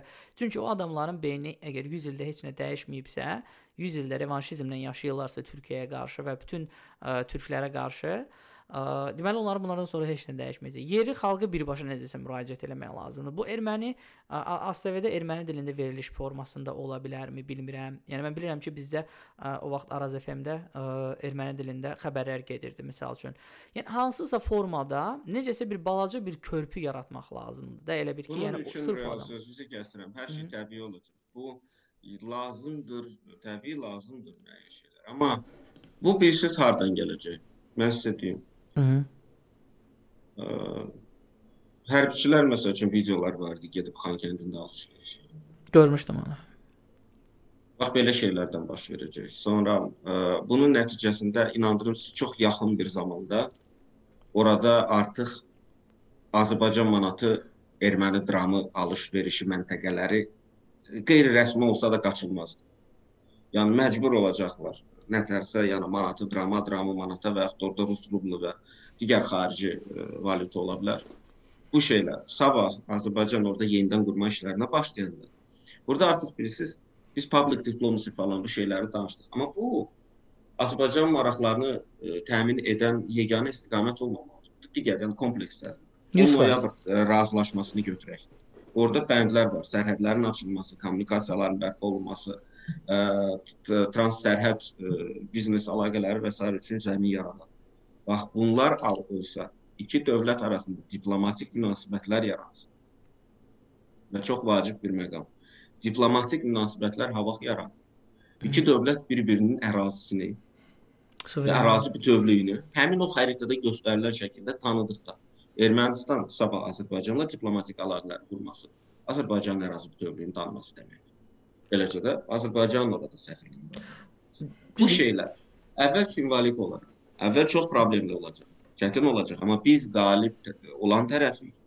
Biz güclü olan tərəfik və bizə həm daha asan olacaq, amma eyni zamanda məsuliyyət də daha çox bizim tərəfimizdə. Yəni bir də bir məsələ daha çox ən çox bu saat ə, danışdıqlarımız şeyləri reallıqda görmək üçün Azərbaycan əhalisinin ora köçməsi başlanmalıdır və İnşallah yaxın bir dövrdə olacaq. Biz görəcəyik yalnız. Bu Azərbaycan əhalinin köçməyindən danışırıq. Mənim məsəl üçün çox maraqlıdır. Ə, siz bu haqqda nə düşünürsüz? Ə, Zəngər Zəngəzur olsun, yəni ə, Qafan ərazisi, köhnə Göyçə mahalı olsun. Bu ərazilərdə azərbaycanlıların sayı çox az olmayıbdı. Yəni kifayət qədər ə, böyük bir Bəli, Qərbi Azərbaycan. Qərbi Azərbaycan, bəli. Qərbi Azərbaycan ərazisinə ə, azərbaycanlıların qayıtmağı. Yəni bu bu Qərbi Azərbaycan Necə qoyulmalıdır bu sual? Hələ ki müzakirə olunmur. Yox mən deyirəm ki, necə olmalıdır bu və olmalıdırmı ümumiyyətlə? Çünki bu insanların da haqqı var da. Bu 88-ci ildə ə, yəni Qərbi Azərbaycanlılar az deyil Azərbaycanda. Gəl boynumuza alaq ki, bu qədər adamın öz ə, vətənindən ə, didərgin Qafandan, düşməyi. Sisiyandan bütün o 88-ci Hə. ildən etibarən Yəni hələ biz haqsızlıqdır. qoyuruq kənara 40-cı illərdə köçürülənləri. Biz 88-dən danışırıq. Yəni həmin konfliktin Hə, elə bəli. Hə. Bilirsiniz necədir? Ə, tam doğrudur. Haqq ədalət, yəni haqq ədalətdən danışırıqsa və biz bütün qaçqınların və məcburi köçkünlərin qayıtmasından danışırıqsa, təbii ki, məsələni də daha genişləndirib ə, həmi Qərbi Azərbaycandan məcburən elə birinci qaçqınlarımız oradan gəldi, gəldi. Məcburən köçürülən Azərbaycanlıların da qayıtması məsələsi qaldırılmalıdır. Təbii ki, ermənilər cavab olaraq onda məsələ qaldıracaqlar ki, biz Bakıdan, Gəncədən, Sumqayıtdan Biz də onu qəbul eləməliyik. Hardasa. Təbii ki, bu uzun bir perspektivdir və mən inanmıram ki, indi tərəflər onu müzakirə edəcək, çünki onsuz da mürəkkəb olan bir kontekstdə əlavə çətinliklər gətirəcək. Bu şey o dərəcədə uzağa baxmağa ehtiyac yoxdur. Ən azı Dağlıq Qarabağdır.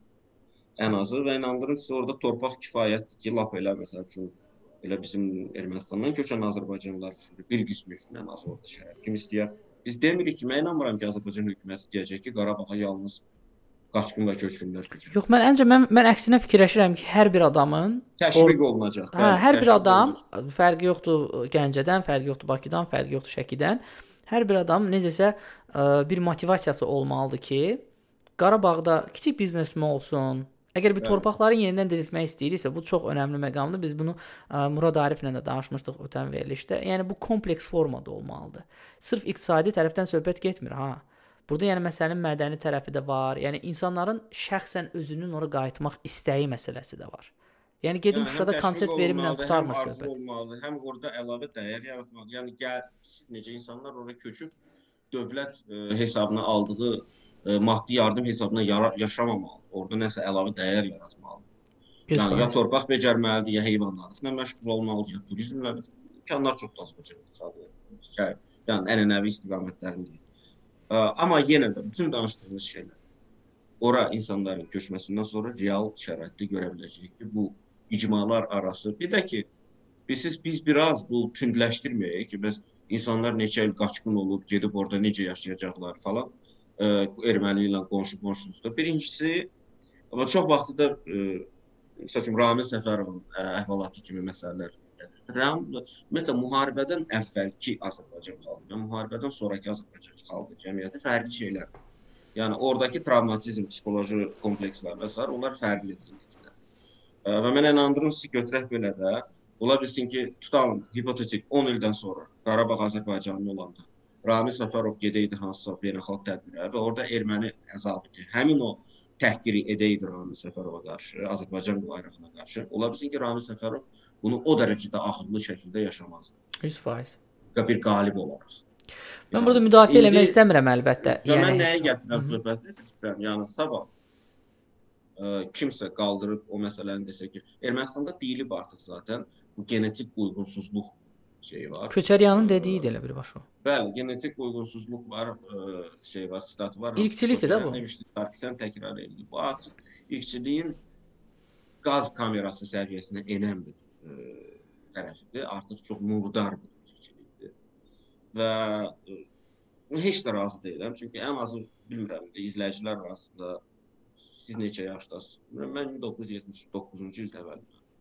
Mən 4-cü sinifə kimi bizim məktəbdə yəni, ermənilər 3də 1 təşkil edirdi, bəzi siniflərdə yarısı təşkil edirdi. Şəhər mərkəzdəki məktəblərində belə idi. Rus sektorunda xüsusən belə idi. Mən Odessada böyümüşəm. Ona görə yəni mənim sinif yoldaşlarım da erməni olub, ə, məktəbdə. Mən məktəb- Bakıda xüsusən də Hə. belə idi və Azərbaycan xalqı ilə erməni xalqı 100 ildən bir yəni biz bilirik e, Çar dövründə də toqquşmalar olub. 1918-ci ildə xüsusən qanlı cinayətlər, toqquşma hətta müharibə də olub. Hı. Amma biz e, anlamalıyıq ki, Azərbaycan xalqı və erməni xalqı yan-yana həmişə yaşayıb. E, normal, yəni çox çox belə dost yana olan uzun tarixi müddətlər olub.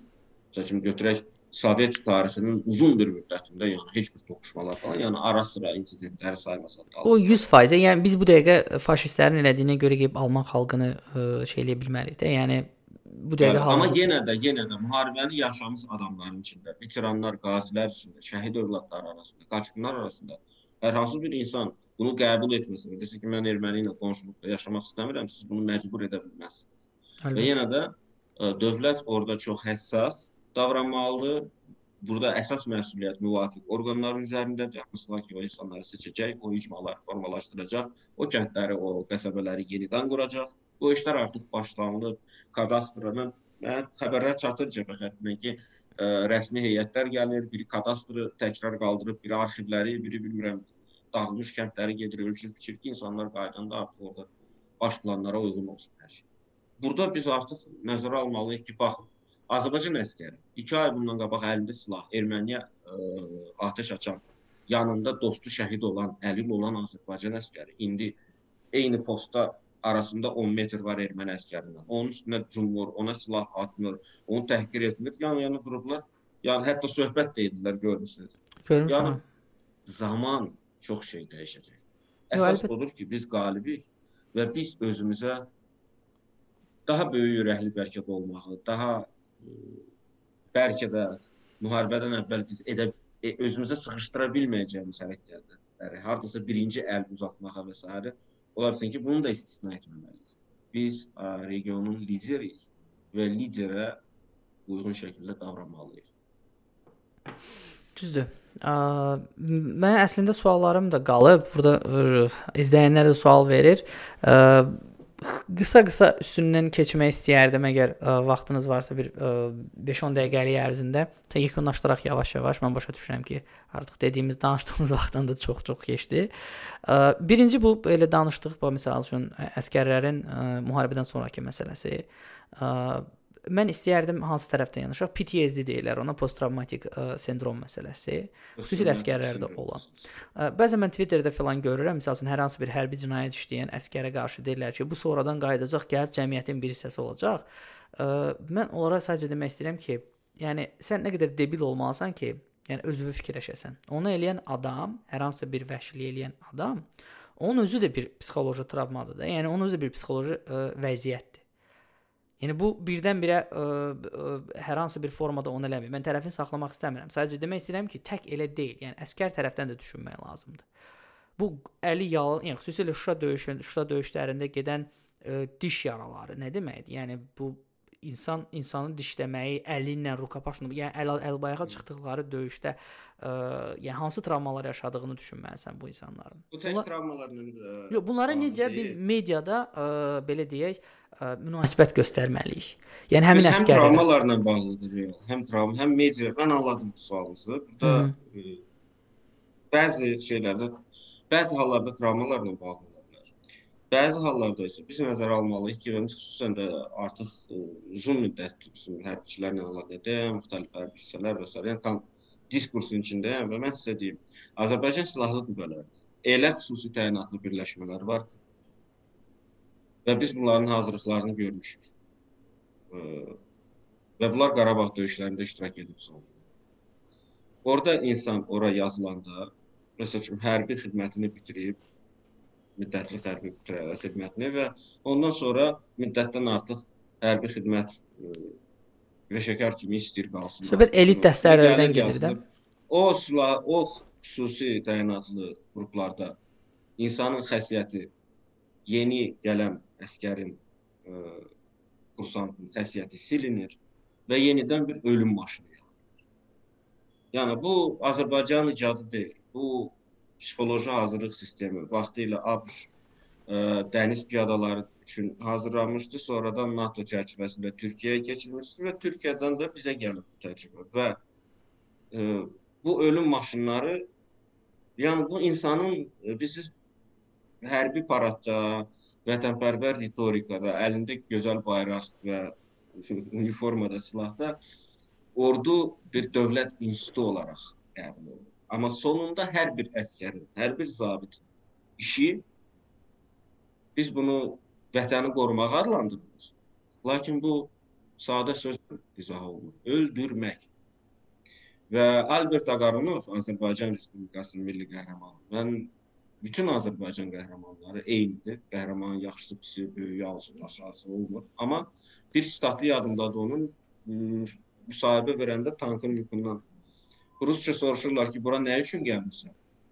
Bir öldürmək üçün gəlmişəm, adam öldürməyə gəlmişəm. Müharibə adam öldürmək.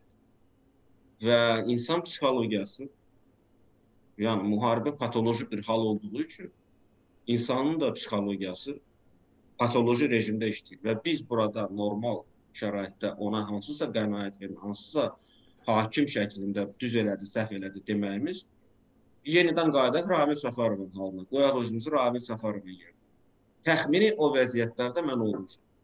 Mən məni yaxından tanıyan dostlar bilir ki, e, 2010 Nə baş vermişdi? Almaniyada təxmini belə bir vəziyyət olmuşdu. Və orada iki yol var idi. Ya biz ermənilərlə, yəni konkret olaraq fiziki münaqişəyə girməli idik. Hı -hı. Və orada çox pis bitəcəkdi. Çünki mənim dostum Kəlbəcər qaçqını idi. Sumqayıtda yaşayırdı və atasının qəbrini heç vaxt görməyib bu adam. Çünki atasının qəbri Kəlbəcərdə qalıb. Hı. Bu erməni adı gələndə bu adamın əlləri əsir.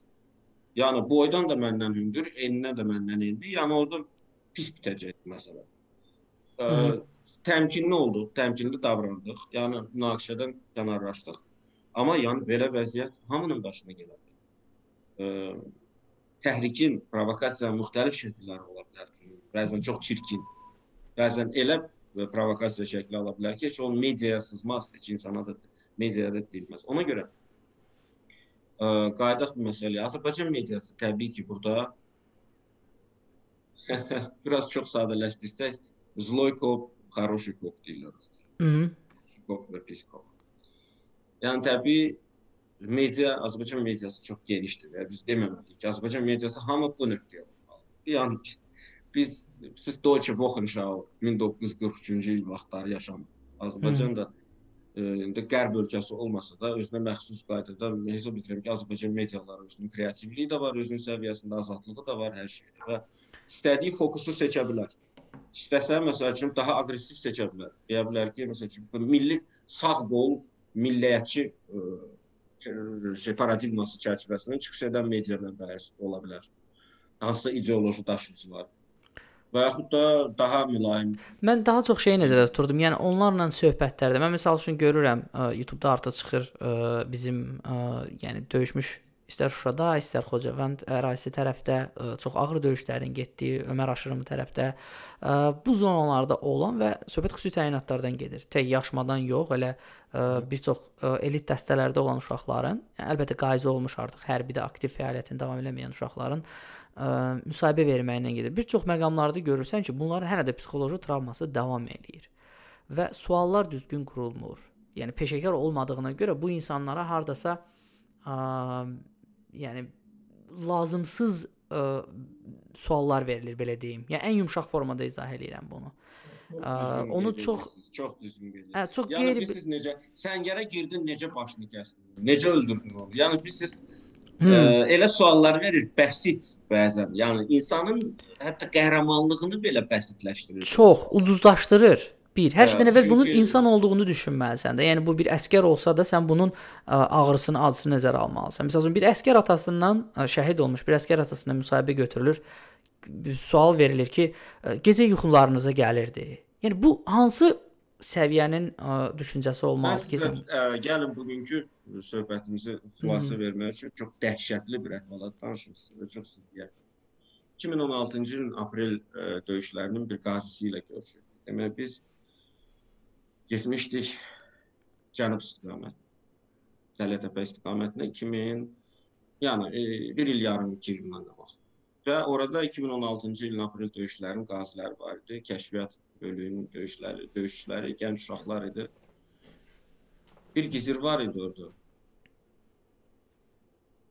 Aprel döyüşlərində düşmən səngərinə girmişdilər və bütün şəxsi heyətini məhv edəndən sonra bu adam görüb ki, erməni meydanının üstündə telefon zəng çalır.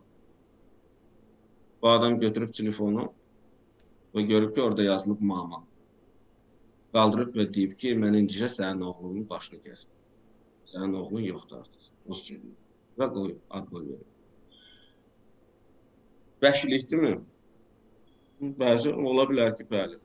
Amma digər tərəfdən Azərbaycan əskəri belə mənəvi qəddarlığa hazırlığı olmasaydı, bəlkə də biz bu gün o torpaqlar azad olmazdı. Və məhz ona görə erməni veteranları, erməni yaralıları, döyüşlərdə iştirak edənlər deyir ki, yəni Azərbaycanlılar hücuma qalxır. Birini vurursan, ikincisi onun dalınca gəlir. İkincisini vurursan, üçüncüsü onun meyidin üstündən keçir gəlir. Yəni bunlar dayanmırlar. Sanki bir makina kimi gəlirlər. Biz müharibədən danışırıq. Yəni e, belə bir dəhşətli və mən hələ də o hadisə haqqında fikirləşirəm və o gizir, həmin o gizli şəxsən tanıyıram. Böyük vətənpərvərdir, gənc oğlandır. O normal şəraitdə onu bəlkə də etməzdi. Mən əminəm ki, etməzdi, çünki siz onu görsəz heç ağlınıza gətirməzsiniz. Döyüş şəraitində insanlar çox dəyişib. Və yenidə nəzərə almalıyıq ki, o insanları məhz bunun üçün hazırlaşdırır. Və onlar öz peşələrini mükəmməl Yəni bu olmasaydı Azərbaycan torpaqları. Düzdür.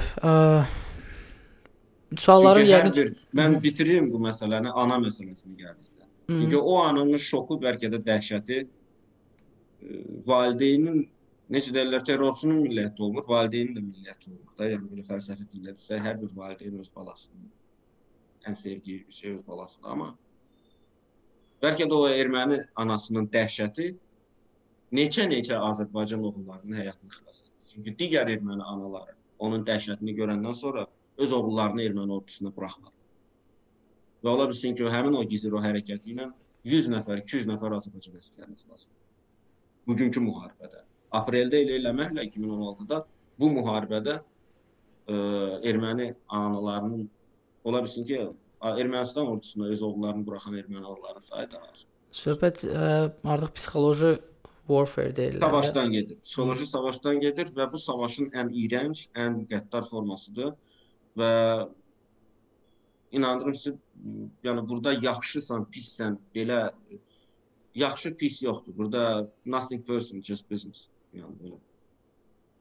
Onlar da həmin şeyləri edirdi. Onlar da ona Yo, videosu var. Qorx, Bizim bizim Gizirin qorxu aksiyaları. bizim Gizirin telefonuna cavab verir. Yəni videosu var. Birinci Qarabağ müharibəsində videolar var idi ki, bizim əsirləri necə ə, işgəncələr verildi. Yəni, paqonunu yalatdırmaq, yəni, onlar alçaltmaq. psixoloji olaraq təsir edirdi. Və inandırım sizə bəlkə belə bir yenə qayıdaq bu qəddarlığa və s. O videoların çəkilməsi və s. bir tərəfdən ə, bəlkə də düşmən psixologiyasına təsir, yəni uzun müddətli təsiri ola bilər ki, yəni görsünlər ki, müharibə nə ilə nəticələnir. Amma digər tərəfdən mənfi tərəfi odur ki, təbii ki, re- revanş hissləri də oyana bilər. Yenə də burada qayıdırıq ki, Azərbaycanın gücü, özünə güvəni və düşünülmüş siyasət çox həssas davranmalıyıq. Ə, Yəqin ki suallarımızı ə, səsləndirə bilməyəcəyik. Ə, və burada bir çox suallar verirdilər. Ə, amma mən ümumi yekun olaraq ə, istəyərdim ə, bu sülh məsələsinə təkrar qayıdaq. Nə qədər ə, yəni bizim üçün ə, xüsusilə əskərlikdə vəhşilikləri görən və yaxud da şəxsən ə, ailəsinin ə, yəni Gəncədə, Bərdədə, Ağcabəddə, Tərtərdə ə, ailəsini itirən adamların ə, vaxt lazımdır. Onların erməniləri bağışlamaq üçün, ə, sülh məsələsini danışmaq üçün vaxt lazımdır. Ə, amma mən inanmaq istəyirəm ki, ə, istər mediada olsun, istər ə, ə, müharibədən qayıdan ə, əskərlərimiz olsun, ə, artıq özünü ə, müharibədən sonrakı dönəmə, sülhə ə, hazırlamalıdır. Buna inanıram. Ə, və ə, revanşizmlə ə, əl çəkmək üçün də ermənilər də öz ə, tərəfindən ə, yəni istər Azərbaycanda, istər ə, Ermənistanda ə, marjinallaşmamalıdır bu fikirlər. Yəni bu bu fikirlər həm dövlət səviyyəsində necə ki Azərbaycanda hazırda səslənir, ə, Xankəndidə olan ə, ermənilərin Azərbaycan vətəndaşı olmağı ilə bağlı, eləcə də ə, Ermənistanda ümid eləyək ki, ə, əgər Paşinyan qalacaqsa, onun administrasiyası o qalmayacaqsa, ondan sonra gələn adamlar ə, revanşizm hissi olmayacaq və ə, media tərəfdən ə, götürsək, ə, bu cür ritorikalar da aradan qalxacaq və daha sağlam, daha düzgün düşüncələr öz yerini tutmağa başlayacaq. Əgər bir son sözünüz varsa Heydər bəy, buyurun deyin. Yavaş-yavaş yekunlaşdıraq. Sizin də çox vaxtınız aldı. Son ola bilər ki, son vaxtlar Bilirsiniz bu Tovuz müharibə, Tovuz döyüşlərindən sonra xüsusən də bu Vətən müharibəsi günlərində yəni Facebookda, sosial şəbəkələrdə, Telegramda mənə əlavə edən, məni izləyən insanların sayı kəskin artıb və inboxa da yazırlar çox vaxt suallar verirlər. Mən üzr istəyirəm hamıdan ki, mən vaxtında cavab vermirəm. Çox vaxt ümumiyyətlə cavab verə bilmirəm, inbox oxuya bilmirəm. Və John demək istəyirəm ki, mənim diqqət mərkəzində olmağım bu son aylarda bir izahı var. Bu da mən cəbhə xəttindəyim. Mənə verilən göstərişləri yerinə yetirirəm. Bilsin ki, başqa istiqamətdə olsun, mənim yerimdə başqa bir hərbi jurnalist ola bilər. Necə ki, digər müxbirlər öz işlərini ə, e, kifayət qədər də yaxşı etdilər. Hamısı sağ olsun. Ə, yəni özümü belə təvazökar kimi göstərmək üçün demirəm.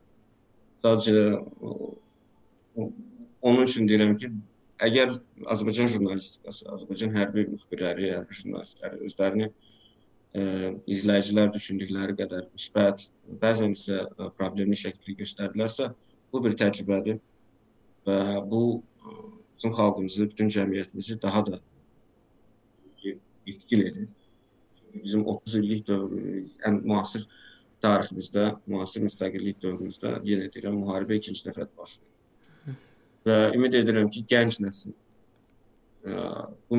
bundan bir ibrət götürüb, həvəslənərək ola bilsin ki, hərbi jurnalistikanı sahə olaraq seçəcəklər və yaxud da hərbi jurnalistika olmasın, analitika ilə bağlı siyasi şərh, hərbi siyasi təhlil ilə bağlı olan ə, fəaliyyət ola bilər. Ə, çox sağ olun diqqətinizə görə və Siz çox sağ olun gəldiniz. Ola bilsin ki, bütün suallara cavab verə bilmədik. Mən Məncə də bütün suallara cavab verə bilmədik, amma ə, çalışdığımız qədər eləməyə çalışdıq. Ə, əgər bundan artıq ə, Heydər bəyin danışdığı mövzulara qulaq asmaq istəyənlər varsa, mən çox məsləhət görərdim. Uçan Sıçan podkastına qulaq assınlar.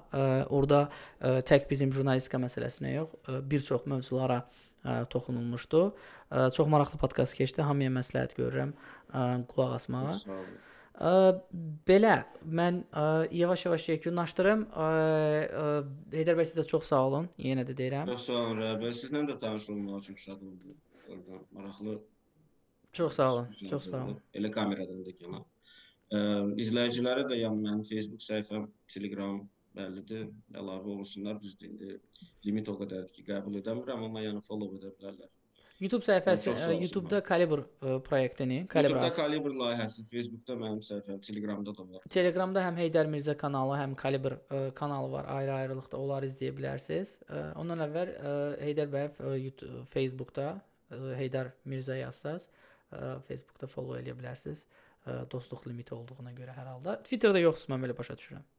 Twitterdə yox. Hə. Yəni bütün e, şəbəkələrdə fiziki olaraq adam çatır. Telegramı son vaxtlar e, kəşf etdim özüm üçün və yəni istifadə edirəm. Əslən Telegramın populyarlığı da son vaxtlar Azərbaycanda dəhşət qalxmağa başladı. Hə, müharibə müharibə dövründə. Oldu belə. E, biz Çox sağ olun hamıya bir daha. Siz sağ olun. E, Verilişimiz burada ə, e, qurtarır. Ə, gələn həftə yenə həminki vaxt, ə, yenə ə, başqa bir qonaqla, ə, başqa bir ə, mövzu ətrafında, amma yenə də müharibə 2-ci Qarabağ savaşının ə, hesabatları silsiləsindən olan ə, bir verilişlə ə, yenə burada olacağam. Ə, yadınızdan çıxmasın. 6-cı gün ə, saat 11-də. Onun başı çıxar